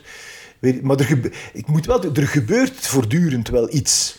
Het, Ja. houdt, het houdt zelden steek. Nee. Het ziet er ook allemaal spuuglelijk uit. Er, zit- het is ook zo, het speelt zich af in een soort Blade Runner Los Ja. Angeles, maar dan zo ene set. Ja, duidelijk, ene- ze, hebben, ze hebben ene set gebouwd en dat draaien ze dan vanuit verschillende Klopt. hoeken. En dan ziet het er nog een beetje uit als Blade Runner van den Aldi. Mhm, En dat is dan nog eigenlijk heel Onterecht, want de Aldi is ook niet meer de Aldi, natuurlijk. Eh, ik doe meer zo die, die hoe heet ze, die, die, die eh, eh, Oost-Europese supermarktketen die zo ook in ons land een paar vestigingen heeft, Ja. waar je zelf, u weet, dat karton moet halen. Meer die sfeer zitten Ja. we dan. Dus nee, het, ik, ik, het, voor mij is het geen kandidaat. Ik, ik, ik, ik ga direct al zeggen, Jan, ik, ik, het is geen best worst movie gebleken. Ah, ja. Ook voor mij niet. Maar het be- beschikt wel over aspecten dat ik, dat ik vind van, het klopt wel af en toe op de deur. Bijvoorbeeld die eerste vijf minuten, hoewel dat gans de film een, een clusterfuck is, van een, echt een zootje is, en ik ook niet weet... Ja, ik weet dat ze met die chip bezig zijn, dat is zo wat de, de, de red herring ervan. Maar voor de rest weet ik ook niet veel meer ervan. Maar die eerste vijf minuten vond ik wel heel goed. Had ik nog high hopes. Ah. Want ja, dat probeert een, een, een naadloze overgang te maken op de eerste film. En op vijf minuten tijd blijkt dus dat hij een job dat overleefd heeft, dat, overleefd heeft, dat die, ja, die intelligentie die eigenlijk alleen maar digitaal bestond, opnieuw in een lichaam is gedrongen. Wat dat met Vloer, Vloer blijkt te zijn, die dus in niets lijkt op Jeff Fahey. Maar er wordt dan ook gezegd dat hij aan facial recon- reconstruction hebben moeten De, doen. de hele, op uitzondering van dat tienerjongetje is de volledige cast. Ja, dus maar Austin O'Brien is de enige die terugkeert. al, al de rest heeft, het, voelde de buit toch wel hangen. Ja, waarschijnlijk. Maar ik vind het gewoon scenario dat ze dat proberen allemaal in die vijf minuten te crammen. En zo van, oké, we weten dat Jeff Fahey niet meer is, dus we gaan zeggen dat er facial reconstruction is gebeurd. Hij verliest ook twee benen. Dan gaat hij onmiddellijk mee in het verhaal van die evil corporate guy. Dan, na vijf minuten, zitten we jaren later, want dan zitten we zo'n beetje in de toekomst. En de enige manier dat we dat kunnen zien, dat we een paar jaar vooruit gegaan is, is dat die evil corporate guy nu een grijzer baardje heeft in plaats van een zwarte baard. Dus dat zijn wel van die aspecten dat ik zeg, oké, goed begonnen. En dan heb je zo de eerste, ehm, eh, het eerste moment wanneer dat die tienerjongens in cyberspace gaan, of in VR gaan. En dan heb ik zoiets, dat vond ik wel in zijn knulligheid heel charmant, want ze moeten vliegen. En ik vermoed dat er iemand heeft gezegd van, oké, hoe kunnen we dat verder in de verf zetten dat die aan het vliegen zijn? A, we laten ze allemaal een soort sjaaltje rond hun middel bengelen, die heel lang is, waardoor dat als een soort staart begint te wapperen in de lucht. En dat zijn wel van die kleine momentjes dat ik zeg van, oké, het is geen checklist dat ik bijhoud, maar hier zet ik misschien wel een tikje. Ja, en er zijn nog een aantal andere tropes. Hè. In die, in die, wat bijvoorbeeld niet meer blijkt te bestaan in de toekomst is zeep. Nee. Want iedereen heeft zo van Ja, die make-up vegen. Ja. En dat is het zijn, zijn arme mensen in een, in een slechte toekomst. En hoe, hoe gaan we dat laten zien? Ah, doordat ze allemaal vegen op hun. Ja, dus al dat soort tropes zitten er wel in. Maar laten allee, kijk, het heeft een, een, een IDM, IMDB-quotering. En ook daar plaats ik de laatste tijd wel wat vraagtekens bij, want dat is ook niet meer zo betrouwbaar als vroeger. Maar in dit geval heeft het een IMDB-quotering van 2,5. Ik vind Juist. dat er knal op. Ja, dat is voor u een goede, goede quotering. Dat is een goede En eigenlijk vind ik dat nog aan de gulle kant. Ja, ja. Ja, eh, ja, ik, ja, ik zeg het, het. Het heeft maar momentjes iets dat ik dacht van, oh, het neigt er wel naartoe. En ik moet eerlijk zeggen, misschien binnen 20 jaar of zo. Ik weet, voor, mij is, het- voor mij is het een, een theoretische Ja, bij het, bij het movie, omdat... eh, ja, hij zondigt tegen het allereerste principe en dat ik, ik Mhm. Ja. I was not entertained. nee, dat klopt, dat klopt. Ook zoiets, dat is het laatste wat ik er nog wel over had. Jij zei dat juist van, een wetenschapper heeft een wit pak aan. Hè? Dat, is, dat, is, dat, is, dat, is, ja, dat, dat staat als een paal boven water. Maar dan heb je ook onze male lead, onze protagonist eigenlijk, Dr. Benjamin Trace. Ja, ja. En dat is iemand die zo'n man was, maar die heeft zich afgescheurd daarvan. En hoe ziet die er nu uit? Als een indiaan. Ja, als een shaman. Ja. Zo, zo. En die woont ook, En in die een woont soort ook in een hutje in de- in de woestijn. Ja. Zo, ja. Nee, het is echt geen, geen, geen trope blijft ons bespaard. Die is trouwens ook heel slecht. Is dat, is dat, Dat is die Patrick Bergen, hè? Nee, Pat, is Patrick Burton is volgens mij de, de, de evil corporate guy. Nee? dacht ik niet. Wacht hoor. Wie is dat dan? Of is dat dan Kevin Conway? Ah, het zijn ook allemaal mensen die... Wacht, hier staat een Patrick Bergen is Dr. Benjamin Ah, Trace, oké, dus dat is Patrick die. Burton. Ja, heel pijnlijk. Die is echt heel slecht. Ja, dus ik vermoed dat inderdaad die dan de andere man... Oké. Juist. Enfin, het zijn- Conway. wie het ook mogen zijn en wat ze sindsdien nog gedaan hebben, ik vermoed dat ze toch niet graag herinnerd willen worden aan dit. Wat er van waar is, weet ik niet. Maar in de EV IMDb trivia heb ik ook gelezen dat die Farhad Man eh buiten geschot is tijdens de postproductie. En dat zijn montage, maar ja, wat dat ervan waar is. Hè, dat de studio een Hans andere film wou hebben. En dat dat niet de film is die Farhad Man. Laat ons vooral hopen dat er geen director's cut van komt. Laten we hopen.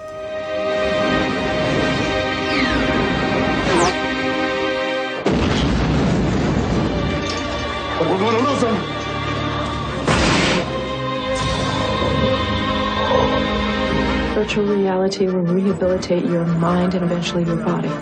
What is your name?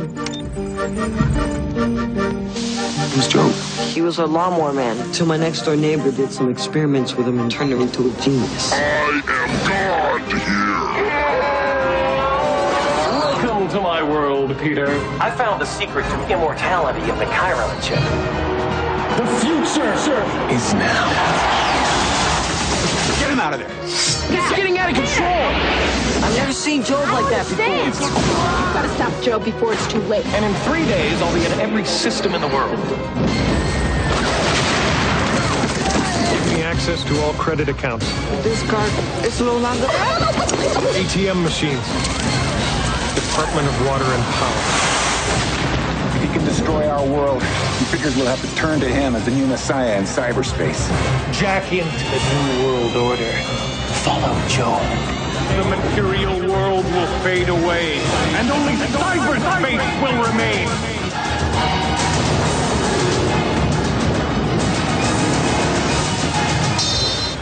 He came to save you, Joe. In here, I am the savior.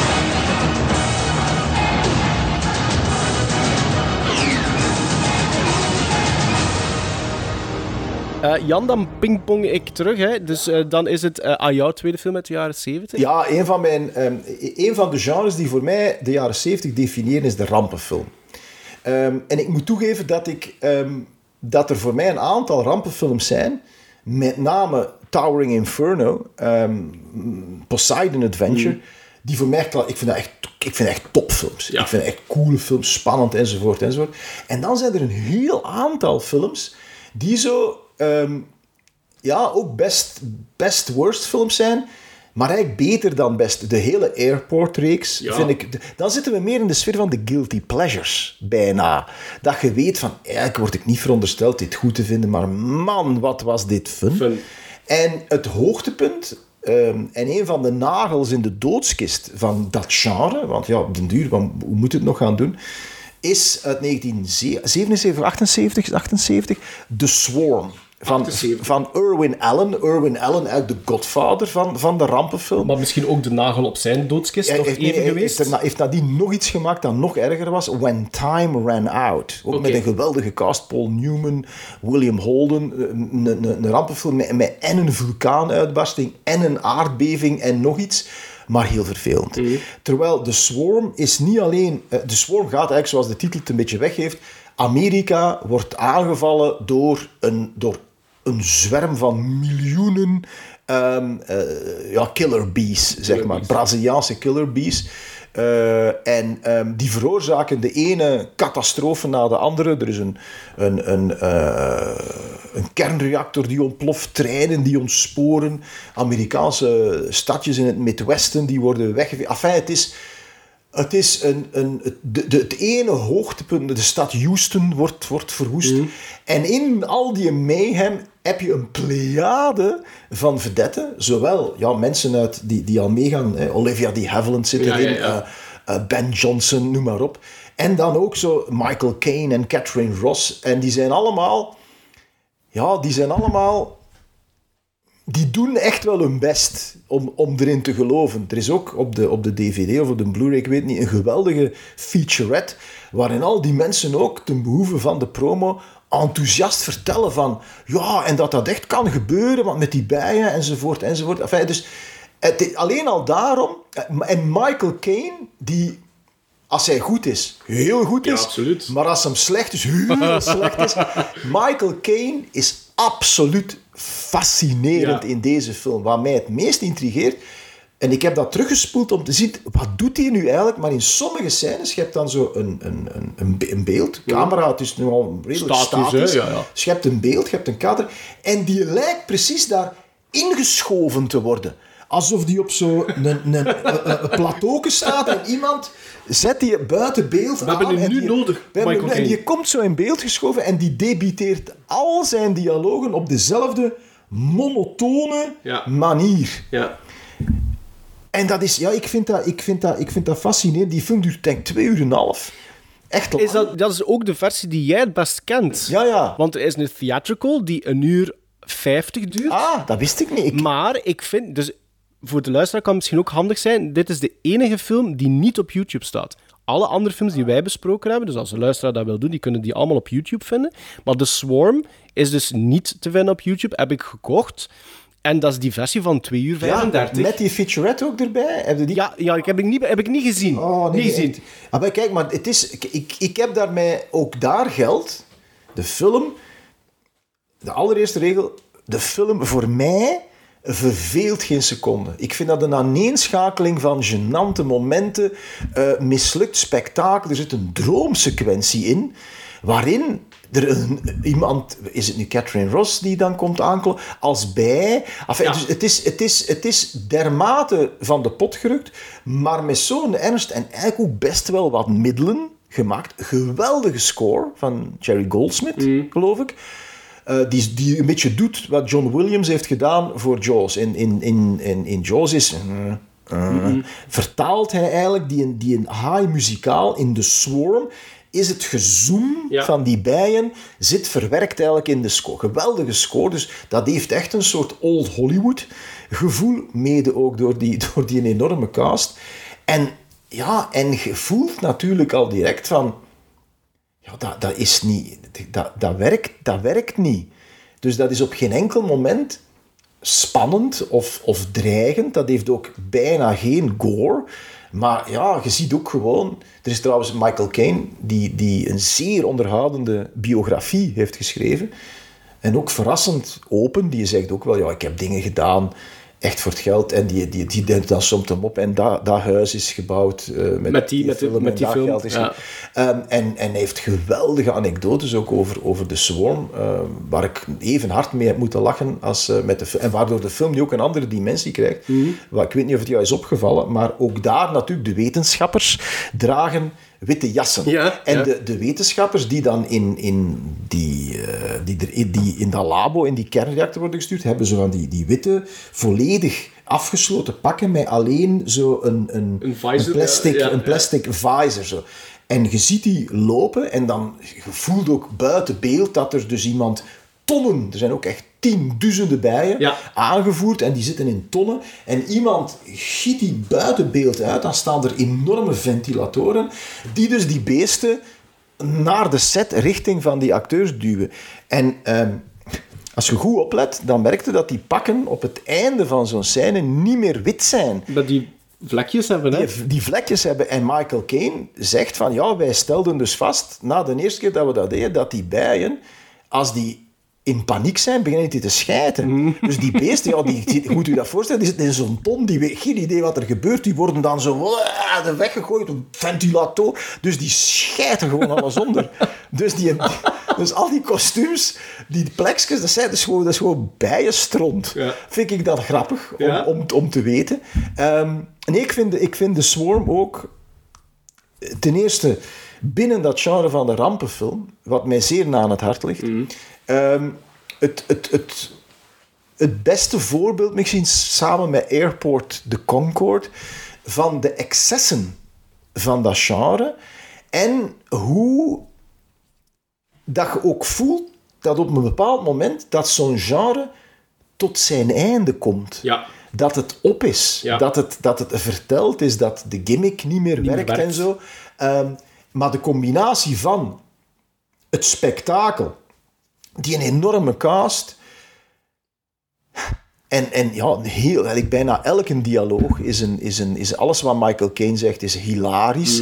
Ehm, die loopt dus ook echt zo door de straten van zo'n dorpje, terwijl, de, de, terwijl Olivia de Havilland haar kleutertjes in veiligheid probeert te brengen, roepende... Get in your houses, get in your houses, there's a herd of killer bees coming this way. Zonder dat hij moet lachen. Ja. En, en dan, wat ik wel dapper vind trouwens, dat is het enige, enige moment waar de Swarm afwijkt van wat je verwacht. De kinderen gaan ook dood. De Ja, er kleutertjes. de jonge slachtoffers. Ja, de Ja. kleutertjes van Miss de Havilland Vallen neer. vallen ook neer. Ja, ja, en, zo. en, dus dat, dat vond ik verrassend, omdat dat doen ze dan meestal niet in dat soort films. Maar het is ook nooit echt gore of schokkend of, of Nee. wat dan ook. Maar ja, ik moet, ik moet ja, ja ik, ik, ik voel aan uw body language dat, het, dat we nu, dat onze wegen zich zullen scheiden. Ja, ik- Maar ik vond de Swarm geweldig. Ik, hier, hier zou ik zeggen, vind ik dat jij misschien een, een, een broertjes met vet zo wat aan het doen Oh, bent. nee! Oh, nee! Oh, dat is nee. misschien te bij de haar getrokken. Maar ik wil wel nog twee dingen zeggen. Ja. Ik heb ook ergens gelezen dat Michael Caine in, in eerste instantie ehm, door trial and error eh, te weten is gekomen dat het uitwerpsel, uitwerpsel Ah. zijn. Want ik heb ergens gelezen dat omdat hij dacht dat het geel was, dat het honing was. En dat hij in eerste instantie elke keer eens geproefd heeft. Dus dat is Nog één. beter, dat is nog als beter verhaal. ja, als verhaal. Eh, er zijn heel veel bij ontdaan van hun angel, blijkbaar, om die effecten dat hij zei eh, te doen. En Michael Caine is ook veelvul- veelvuldig vragen daarover gekregen, over de Ja. swarm. Zo van, en heeft hem daar ook voor geëxcuseerd voor die film, tot een bepaalde hoogte. Want hij zegt van, ja, maar ik heb daar een huis van ge- gekocht daarvoor. En een van zijn pet peeves dan, als er die vraag wordt gesteld, eh, ja, maar zegt hij, Henry Fonda deed er ook wel Ja, in mee. ja, hè. Henry Fonda, hè. Ja. Maar op, als Die je... een heel goed experiment doet op een gegeven moment, op zichzelf. Ja, dat, maar wetenschappers die een experiment doen op zichzelf is ook een van de tropes Ja, natuurlijk van dat soort ja. film. En die in Henry Fonda, net zoals veel, laten we niet vergeten, we zitten in de jaren 70. Ja. We, zit- we zitten ook volop in, de, in het New Hollywood. Ja, klopt. En veel van die sterren uit de Amerikaanse klassieke cinema waren op dat moment eigenlijk afgeschreven. Als je ziet wat die een arme Henry Fonda Ja. in de jaren 70 heeft gemaakt. Maar niet alleen hij. hè. Kurt Douglas zat in Italiaanse Omen rip-offs. hè. Burt Lancaster. Ja. was de piloot hè, in Airport. Veel van die mensen, als je naar de cast van Lancaster die, zit ook in Italiaanse films. van, van die airportfilms bekijkt, dat is, dat is bijna schokkend wie daar allemaal in zit. En dat is wellicht omdat die door het New Hollywood ja, werden uit. Dat, dat was de oude garde. Die wilden ze niet meer hebben. Dus het feit dat Henry Fonda in de, in de, in de, er is zo nog, in die periode, dat vind ik eigenlijk te pijnlijk om, om een, een best worst movie te zijn. Tentacles. Dat is zo'n een, een octopusfilm. eh, en daar zitten in Henry Fonda, Shelley Winters, John Huston.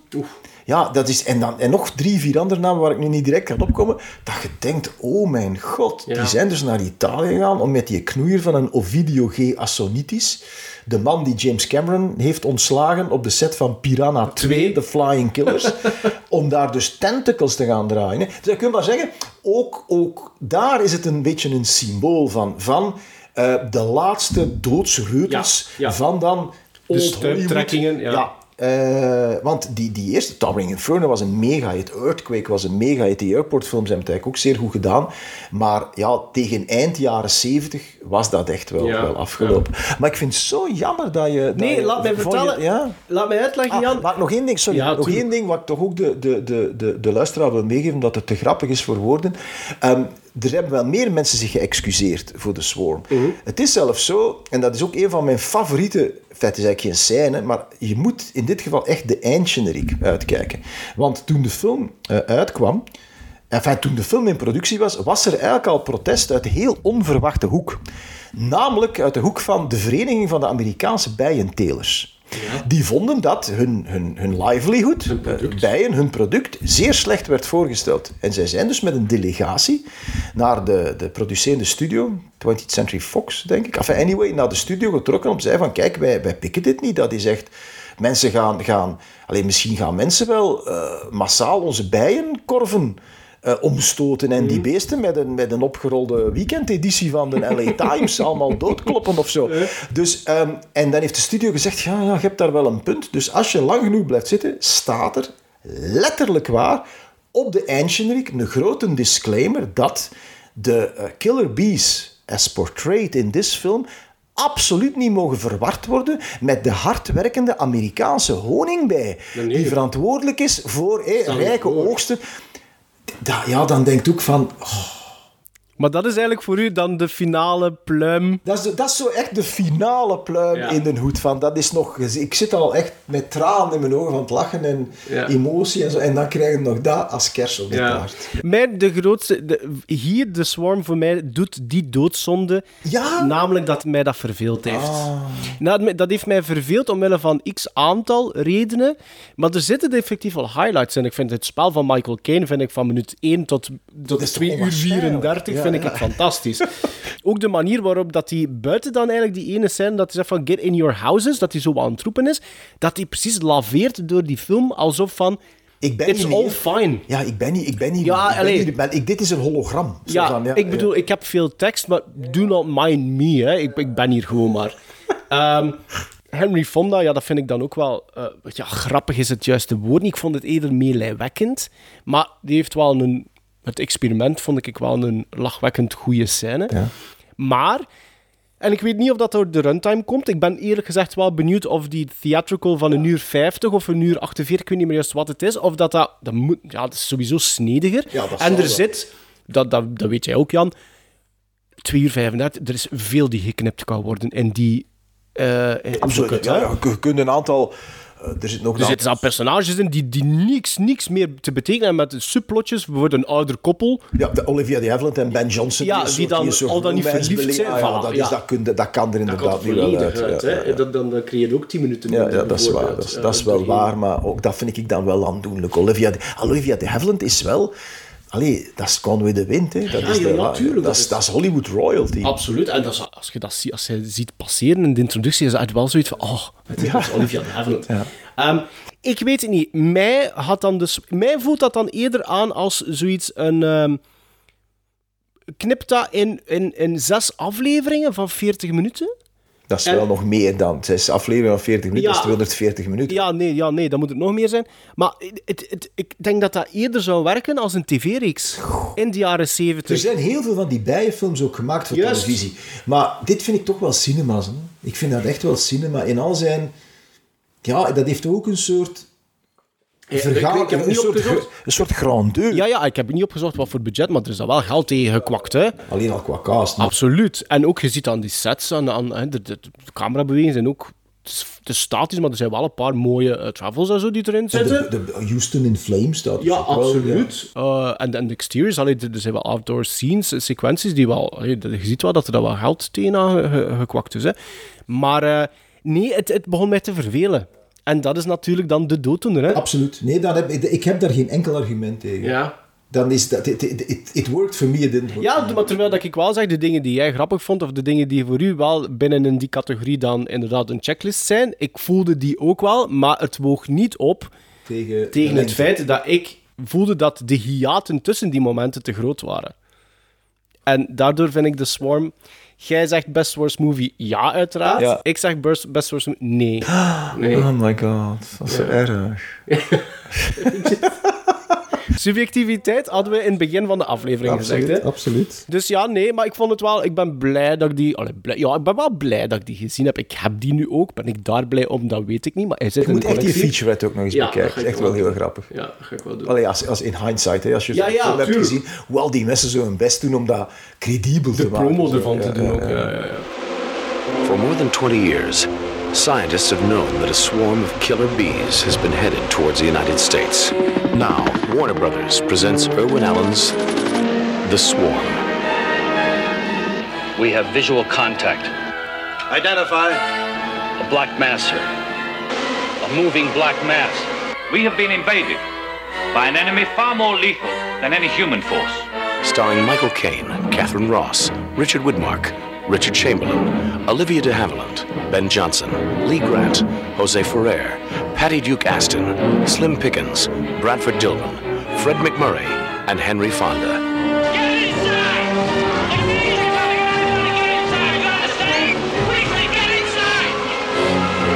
A story of courage and sacrifice.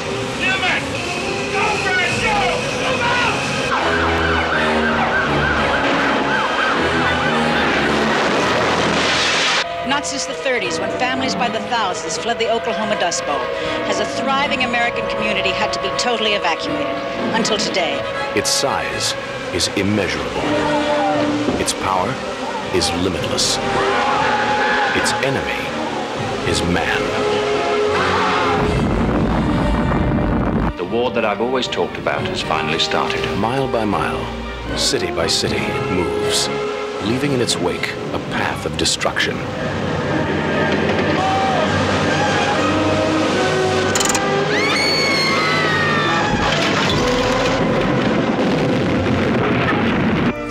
God's sake, Crane, when are we going to stop this massacre? Irwin Allen's The Swarm. It is more than speculation, it is a prediction.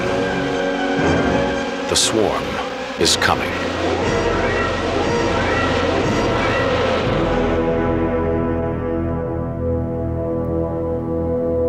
Maar ik, ik moet eerlijk zeggen, Jan, want eh, ik, ik had het eerder... Ik dacht dat je dat als insteek van de Swarm eerder de, de, de, de creature features had.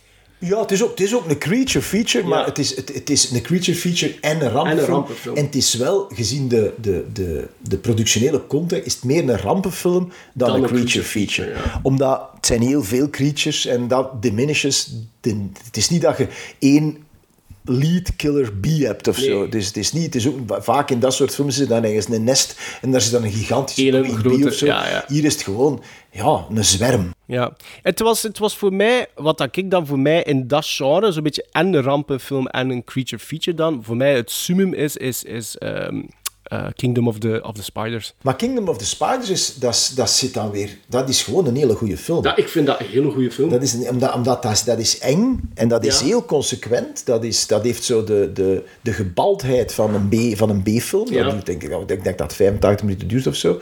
Ehm, en daar zitten echt heel, heel straffe scènes Ja. in. Nee, Kingdom of the Spiders is... eh, absoluut, daar zijn, daar zijn we het dan wel Dat over is, eens. dat is een van de go-to voor Dan mij. hebben, we het over iets, dan hebben we het over iets anders. Dan Ja, maar binnenin dat, ik, ik, binnenin de Swarm vind ik dat er wel, dat daar, dat daar, dat daar wel raaklijnen vertoont. En het allerinteressantste is natuurlijk dat als je Kingdom of the Spiders met zijn bescheiden budget eh, en de Swarm naast elkaar zet, Mhm. wat ik dan zo schoon vind aan dit vak is dat Kingdom of the Spiders een veel betere film is. Ja. En, en, zijn, en, en zijn bescheiden ambities niet alleen waarmaakt, maar overtreft. Overstijgt. En ja. dat dat... Ja, interessant is natuurlijk een groot woord, maar dat, ja, dat is... ehm, dat is los even van de subjectiviteit. Eigenlijk is dat op allerlei vlakken een betere film. Mm. Dat is beter geregisseerd, dat is beter gespeeld. Dat heeft, dat heeft eh, een soort interne logica. Een geweldig Einde. eh, einde. Eh, dus ja, nee, dat is absoluut waar. Maar dan zouden we een uitzending moeten maken over de beste cre- eh, Ja, creature ja, features of zoiets. Maar, en, maar ik, ben, ik deel jouw enthousiasme over Kingdom of the Spiders als, een, als een beetje miskende... Ik denk dat ik die één keer per jaar zie nog altijd. Ah, maar kijk, dat is, dat is super. Ja. Oh, leuk. En een bruggetje. Want wie is de male lead in Kingdom of the Spiders? William Shatner. William Shatner. Ja, William Shatner. Goh, ja, Die man heeft ook af en toe in geldnood gezeten, denk ik. ja. Of die of, is... of wellicht een dermate ziekelijke drang naar aandacht. Of een slachtoffer van een van de grootste marktkramers ooit, namelijk de heer Charles Band. Wat is dat? dat is, Ja. straks meer over Straks Charles meer Band. over. Charles Band. Ja. Want de laatste film die wij hebben bekeken, dat was mijn tweede film die ik had voorgedragen, is Killjoy uit het jaar 2000. Het is mij niet volledig duidelijk, Jan, of dat Killjoy de eerste film, want Killjoy maakt deel uit nu van een franchise, of dat Full Moon Features daar ook effectief achter zat. Ik weet dat zij die rechten hebben overgekocht. En dan vanaf twee eh, dat er wel altijd pertinent in de intro credits dus een Full Moon Feature komt. De eerste durf ik dan niet met 100% zekerheid zeggen. Maar de film staat ondertussen ook op eh, YouTube. En blijkbaar is er zoiets geweest in de jaren 90, neem ik aan. Nee, later, later natuurlijk. William Shatner's Fright Night. Ja. En wat is dat? Dat is eigenlijk William Shatner, die in diverse losse scènetjes eigenlijk een film onderbreekt. Inleidt, maar dan ook continu onderbreekt. Te pas en te onpas. Vooral te onpas. Vooral te onpas. En dus Enfin, in dit geval misschien te pas, want hoe meer dat hij de film onderbreekt, hoe beter eigenlijk in dit geval. Maar goed, ja. Ehm, dat, dat is, ja, voilà, dus de subjectiviteit troef weer. Eh, maar dus, ja, die man moet ook, denk ik, om geld verlegen gezeten hebben af en toe. Denk ik dan. Ja, het, het- ik, ik, ik, ik vermoed het. Want ik zie geen enkele andere reden... Waarom dat je dat ooit zou doen? Omdat je toch... Allee, je zei het ook wel, William Shatner. Ja, toch? Ehm, nu is William Shatner zit een beetje in de David Hasselhoff-sfeer ondertussen. Wel, Zingt hij ook al ondertussen? Ik denk dat hij ook wel eens een, iets, iets pleegt te zingen. Hij rapt ook hè, op het einde ja, van deze. Ja, dat is waar. Ehm, dus daar, ja, ik vind William Shatner, hoewel hij, hij kan op Star Trek bogen, en die Mm. David Hasselhoff heeft dan alleen Baywatch, en er is nog wel een verschil tussen die twee. Maar William Shatner is op een bepaald moment toch ook wel een beetje een parodie. Op Absoluut van zichzelf. zichzelf. Ja, ja, absoluut. Nee, dat is waar. Maar ik zal even misschien voor de luisteraar kaderen waar het over Killjoy gaat. Ja, want dat, dat vind ik ook zelf zeer nieuwsgierig naar waar Kill- het over gaat. maar Killjoy is een, een, een eh, shot-on-video movie eh, van 1 uur. Dat is, het duurt zelfs geen 1 uur. Ik denk 1 uur en 12 minuten. Eh, maar de versie die wij gezien hebben was 1 uur 19, gewoon door de scènes Door die van... scènes met Shatner ja, ja. Ehm, en waarover gaat dat? Het gaat over een, een, een jongen die een, een demonic spirit, genaamd Killjoy, en dat is eigenlijk een demonische clown, oproept om zijn pestkoppen aan te pakken. Dat is in een nutshell wat, wat eh, Killjoy is. Maar dus dat is de, de, de, de eerste film geweest die ondertussen een franchise... Ik geloof dat er daar vijf films, of misschien zelfs zes ondertussen van bestaan. Ik denk zelfs dat Full Moon nog altijd plannen heeft om daar verder nog films over te maken. Ehm, werd denk ik, nadien een beetje door de marktkramer zijnde Charles Band eh, omschreven als een, attempt at blaxploitation, wat dat ik niet waar vond. Maar wat ik wel in het begin van die release gelezen heb, is dat wel dat dat een poging was om een volledige urban horror movie te maken. En dat uitzicht dat in het feit dat alle eh, castmembers zijn gekleurde medemensen. Ook de, de score of de soundtrack, dat is ook heel loosely te eh, interpreteren. Allemaal R&B-invloeden hebben en hip-hop invloeden hebben. Die zijn heel slecht, begrijp mij niet verkeerd. Maar die hebben allemaal zo'n zo'n vibe wel. Dus dat, dat begrijp ik wel. Dat dat waarschijnlijk wel een poging was om een soort van urban horror movie te maken. I get it. Ehm, dus eh, ik denk dat dit de vierde of de vijfde keer is dat ik die film gezien heb. Ja, Jan. En ik moet eerlijk zeggen, ik vind, naarmate dat ik die film blijf herbekijken, vind ik dat een grotere best worst movie kwaliteit bekomen. Want het is, het is zo knuddig, het is, het, is, het is zo slecht geschreven, de dialogen zijn zo cringeworthy de, de cinematografie tussen dikke, dikke, dikke aanhalingstekens. Want videocam, ik, ik- ik geniet van een zwalpende kwaliteit, want die staat nooit niet stil. Die gaat echt een, een golfje van links naar rechts continu. En pakweg 65 minuten, dus heel gebald qua runtime. En ik vind dat, ik vind dat met momenten mesmerizing worden. Al zou je met een gloeiende pook in mijn aars koteren, dan nog zou ik geen Nooit. seconde Nooit twijfelen om dat nog eens terug te zien. Nooit meer? Nee. Het feit, het- ik zal zelfs meer zeggen, het feit dat, van Kill, dat Killjoy ondertussen Mhm. een franchise is geworden en dat de toch wel respectabele 88-films daar een, een blijkbaar liefdevolle box wist van hebben uitgebracht, van, van al die films samen, is voor mij een bewijs dat het einde der tijden nabij is. Ja. Ik, ik vond dit eigenlijk een kwelling. Ja? Ja, ik vond dat echt een kwelling. Omdat... En ik snap natuurlijk... om- om- het, ja, waar we het absoluut over eens zijn, is dat het, dat het cringe-worthy is. Mhm. Maar wat jij had bij de... Swa- Voor mij duurt, zijn die, zijn die 65 minuten of die 79 het minuten... equivalent van- Ja, dat is, voor mij duurt dat drie keer zo lang als de Swarm. Oh, wauw. Ja, dat is, ik vond dat echt... Ik, vond, ik, was op, ik was zelfs op een bepaald moment... Na de verveling kwam zelfs een soort... Een soort eh, boosheid van...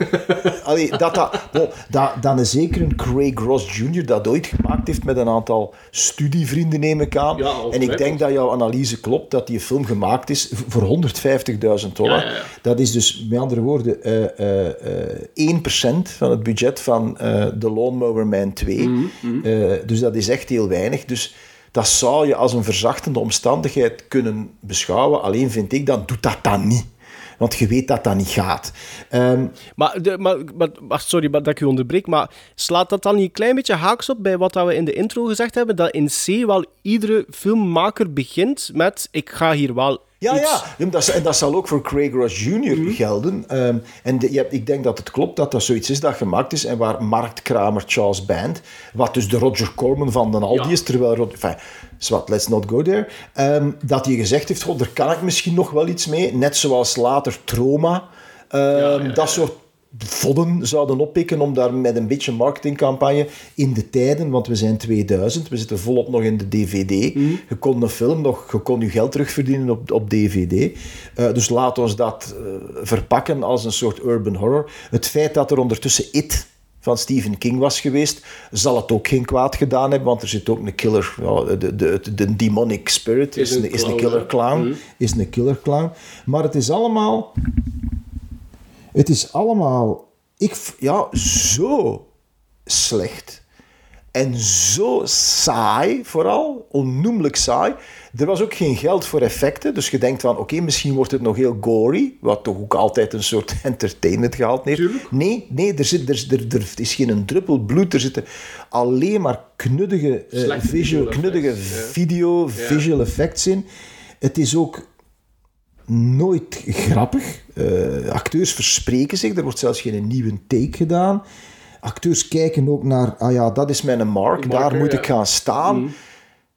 Maar het is, het, is, het is nooit, voor mij is het nooit grappig, alleen maar pijnlijk en, en vervelend. En, eh, en het idee dat, ehm allee, laten we er zijn, er zijn misschien één of twee, als ze niet zouden spreken, waarvan je zou kunnen zeggen van, ja, die hebben een, ja, die kunnen misschien nog wel op een kalender gaan staan of zo, of, of, of in een spotje meespelen, maar, maar, maar, maar het is, het, nee, ik had daar echt, ehm, ja, ik was, ik was eigenlijk ehm, ook, ook, ja, zelfs een auto's, een, nu zijn autoscènes geweten, autoscènes zijn, ik, kijk, ik zie er altijd tegenop. Een autoscène, dat is altijd gedoe, ofwel moeten die een auto op een travelcar. Ja, ja.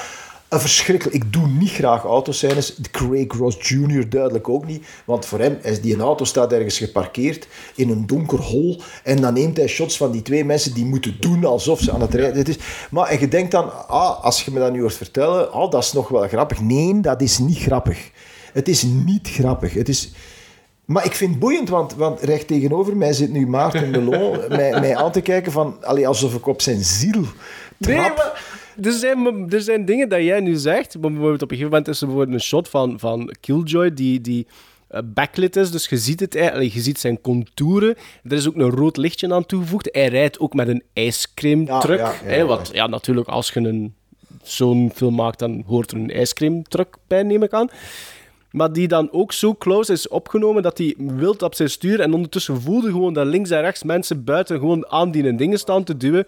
Maar alles. Ook de, de- je hebt zo drie eindscènes die alle drie Veel te lang duren. te lang duren, maar ook allemaal een cliché. Je weet, ah, nu gaan ze dat nog eens proberen. Zeg, ah ja, en dat einde hebben. Het is... Ik hou van de. Ik, ik hou van. Ik, iedere keer ontdek ik daar zo wel één nieuw ietsje in. En dat doet mij dan altijd zo wel lachen. Bijvoorbeeld. ehm, de, de, de, de truck van Killjoy is niet alleen. eh, ja, is eigenlijk een soort van portal naar zijn wereld. ja, ja. Hè? En iedere keer dat er iemand in die wereld terechtkomt, moet die in een soort van superhero stance, je weet wat, die ene knie op de grond, vallen die zo gezegd. Ja. En dan voelde gewoon dat die regisseur heeft gezegd: Oké, je ademt vijf keer in en uit. En dan kijk je naar voren. En je ziet dat dus gewoon dat die aan het tellen zijn, terwijl dat ze aan het ademen zijn, om dan allemaal, en zeker als ze zo met drie daar zijn, die kijken dan op net hetzelfde moment allemaal naar boven. En dat vind ik dan geweldig. Ik vind dat... En ik vind dat ook, wat ik ook wel vind, ik vind dan Killjoy zelf, dat, dat, dat, dat daar een soort van genot uitstraalt. Dat is die oké. man. Allee, bon, ik ga, ik, ik, want ik, jij bent mij zeer dierbaar, dus ik wil een, eind, een eindje, in dit geval een heel klein eindje met ja, meegaan. een stretch, ja. Die kill, ja, het enige wat Saving min grace. of meer goed gedaan is, is die clown. Ja. Die ziet er wel redelijk vies uit. Ja. Nu heb ik, met clowns heb je bijna altijd prijs. Zie de Terrifier. Eh, colofobia, ik heb een beetje Ja, dus, dus, dus- dus dat is wel een vieze clown. En dat is van alle acteurs ook de minst slechte. Klopt. Maar dan ben ik eigenlijk al uitgepraat. Hè, Ja. over, over, en dan, we hebben dat nog niet gehad, inderdaad, over, over die inleiding van, van William Shatner, die in een soort set staat aan een bar. En achter die een bar staat dan een soort iemand, een, een monster in een smoking met een latex masker op, die geen tekst heeft ook, die Nee. maar zo, oh, oh, wacht, wat met zijn ogen staat te rollen. En die dan zo'n aantal 1-2'tjes heeft met Shatner, waarvoor het adjectief pijnlijk zelfs nog veel te, te, te, te, zacht is. Ehm, en dan inderdaad, die film wordt dan af en toe onderbroken.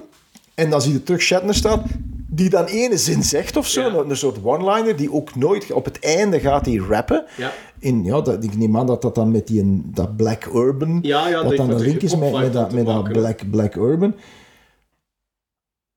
En ook hier was het meest verbazingwekkend voor mij dat Craig Ross Jr. nadien gewoon Nog een een carrière. carrière... heeft Die heeft, die heeft afleveringen geregisseerd van Prison Break Ja, en van Bones ja. en NCIS. En dan denkt je, welke gecertificeerde zot heeft op basis van Killjoy gezegd, ah ja, die moeten we hebben. Ja. Ik vind dat, dat is ook ja, misschien toch een van die aspecten die ik zeer intrigerend vind aan, aan ons vak.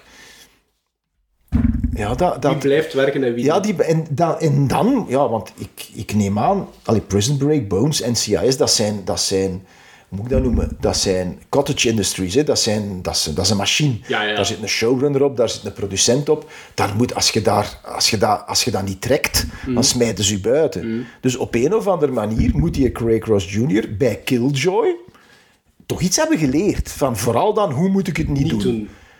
Maar zelfs op dat, zelfs dat wat jij nu zegt, in mijn hoofd is dat net grappig dan. Wordt dat net Ja, iets, ik, iets grappiger. ja, ik snap ook weer de... the- Maar voor mij is dat nu, in het geval van Killjoy, een puur theoretische insteek. Ja. Ik vind Killjoy... Dat, ja, ik weet, dat, nu ik ook een cliché gebruiken. Killjoy heeft zijn titel niet gestolen.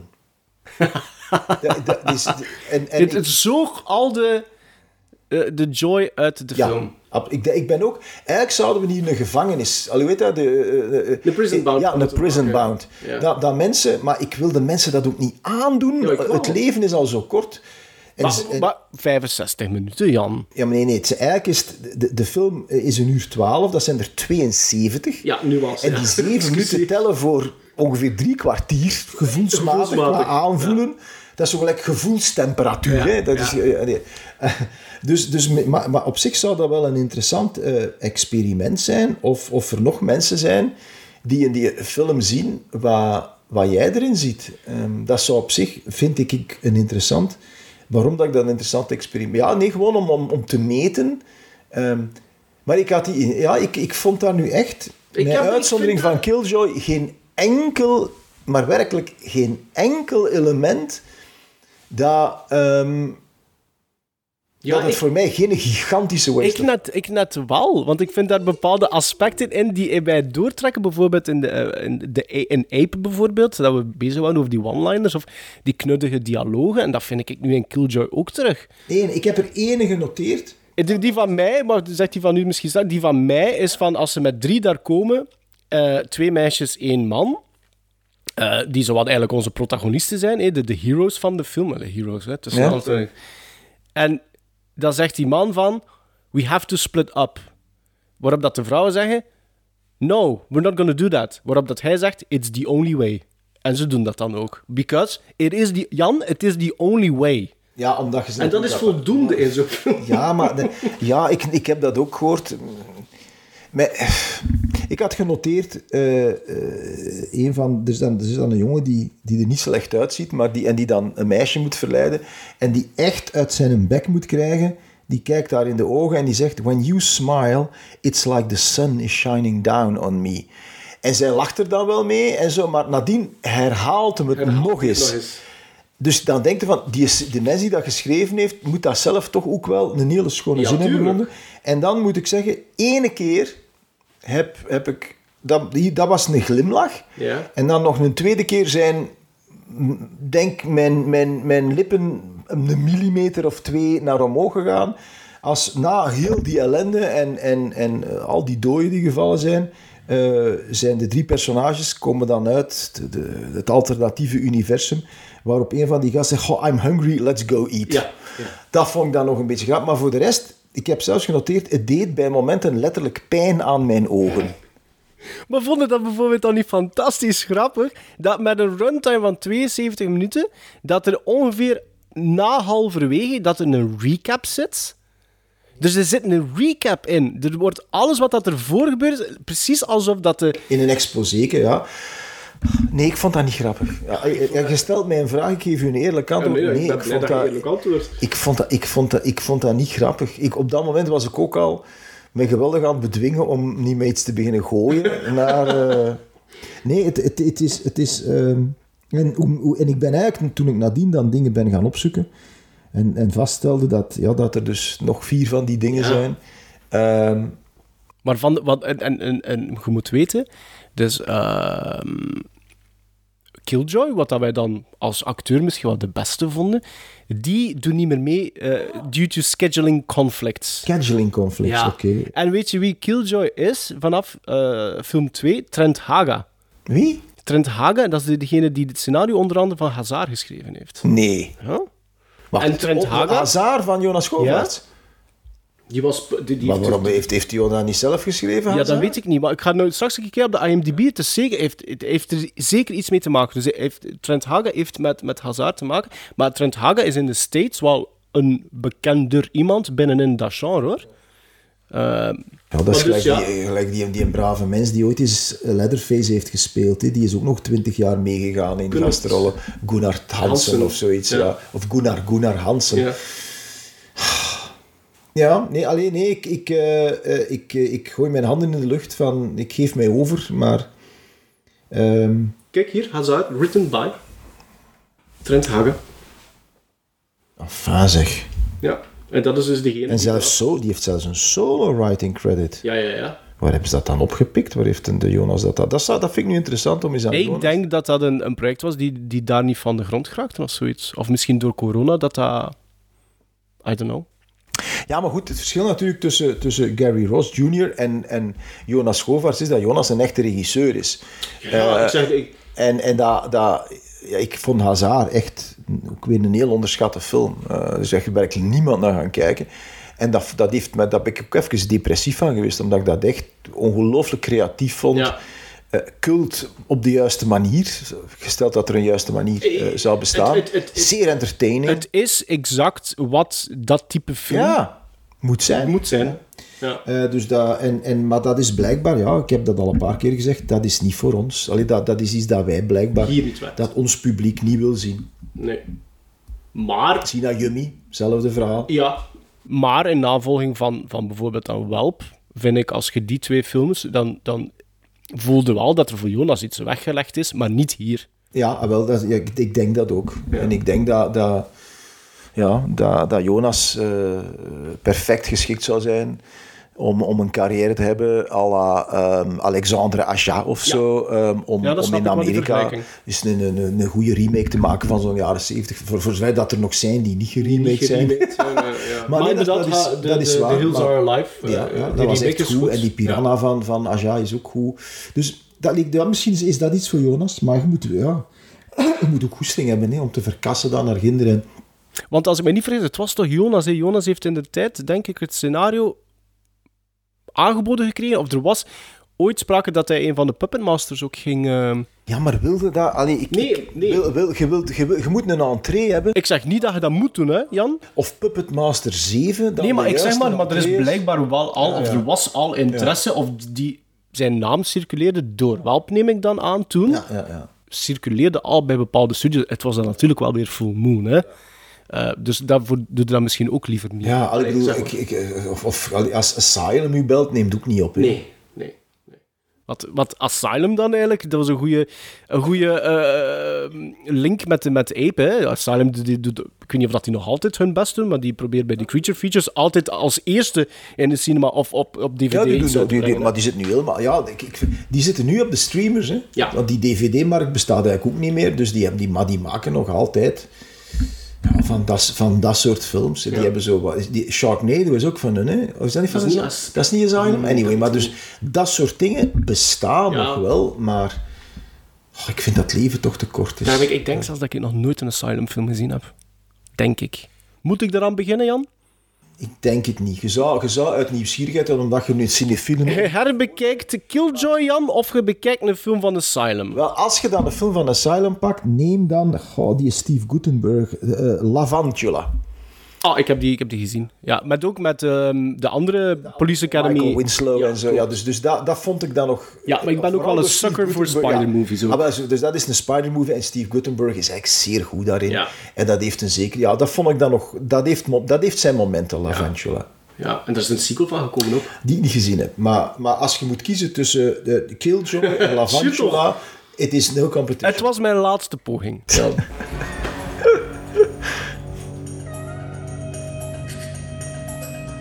Michael! Come down here for a sec. I need to talk to you.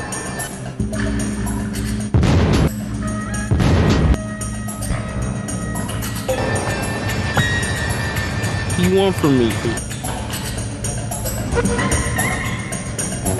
You don't know how much I've been through in my life, Jada. From the time I've been kicked on, pushed on, spit on, bullied, you have no idea.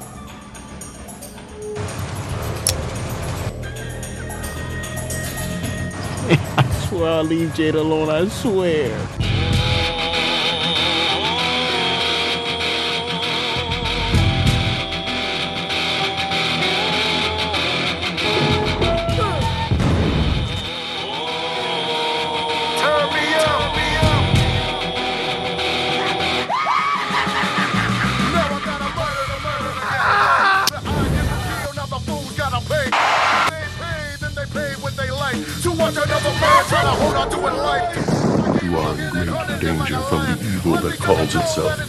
Killjoy.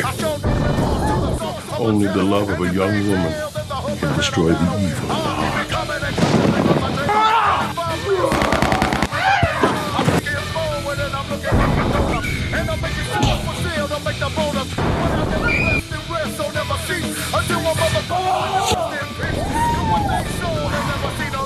It's You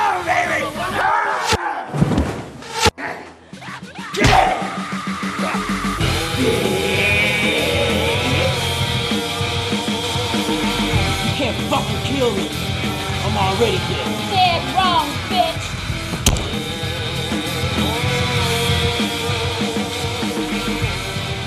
We hebben, we hebben in, in snel tempo, vind ik, vier films besproken, Jan. Ja, maar ik denk dat we gezegd hebben wat daarover moest Ja, maar ja, maar gezegd ik- worden. En ik denk dat wat, wat de bedoeling is van dit zeer fijne eh, programma... We hebben misschien een aantal mensen nieuwsgierig gemaakt naar het concept. Van, jullie hebben dat al eerder gedaan natuurlijk. Ehm, en en eh, misschien moeten ze dat is zomer. Van, nee, het is, wanneer wordt dit? Ja, het is nog... Ja, deze komt eh, 15 augustus. Kijk, feestdag zelfs. En, Kijk. en, en ja, je, hebt- je hebt nu twee, eh, ze hebben twee gepassioneerde pleidooien gehoord voor die films.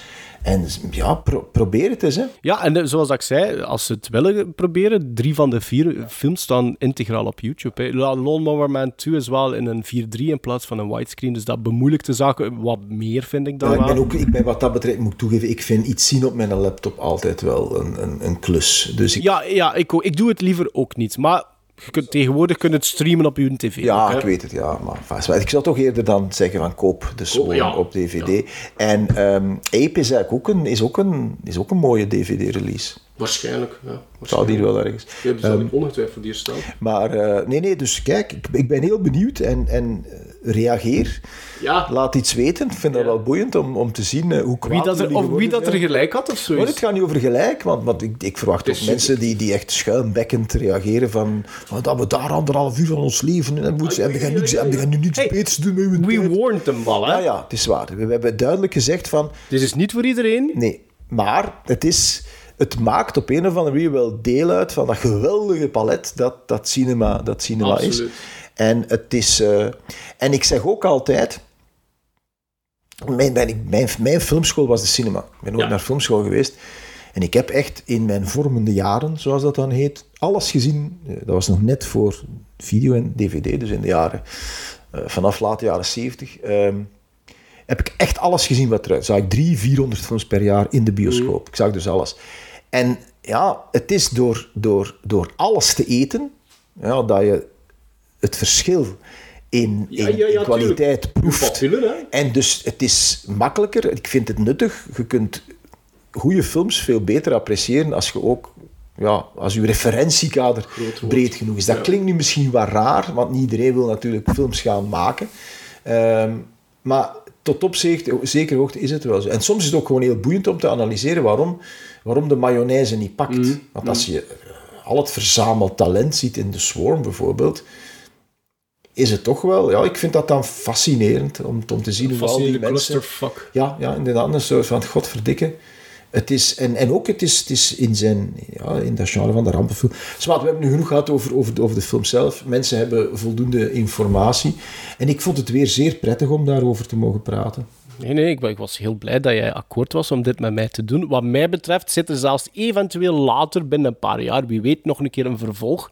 Want ik weet dat tijdens de opzoekingswerken voor die vier, alleen voor mijn twee dan, heb ik er wel nog op een Ja, lijstje ja, gezet ja. die eventueel u al dan niet kunnen bekoren, Jan. Ik zal eh, de uitdaging, als ze eraan komt, met eh, dank eh aanvaarden. Ik zal ze aanvaarden. Of ik u moet bedanken voor Killjoy en Lone Number Man 2, laat ik nog even in beraad. Eh, maar nee, ik vond... Ik vond... Maar het was een goede denkoefening, laten we het daarbij houden. Dat was een goede denkoefening. Absoluut.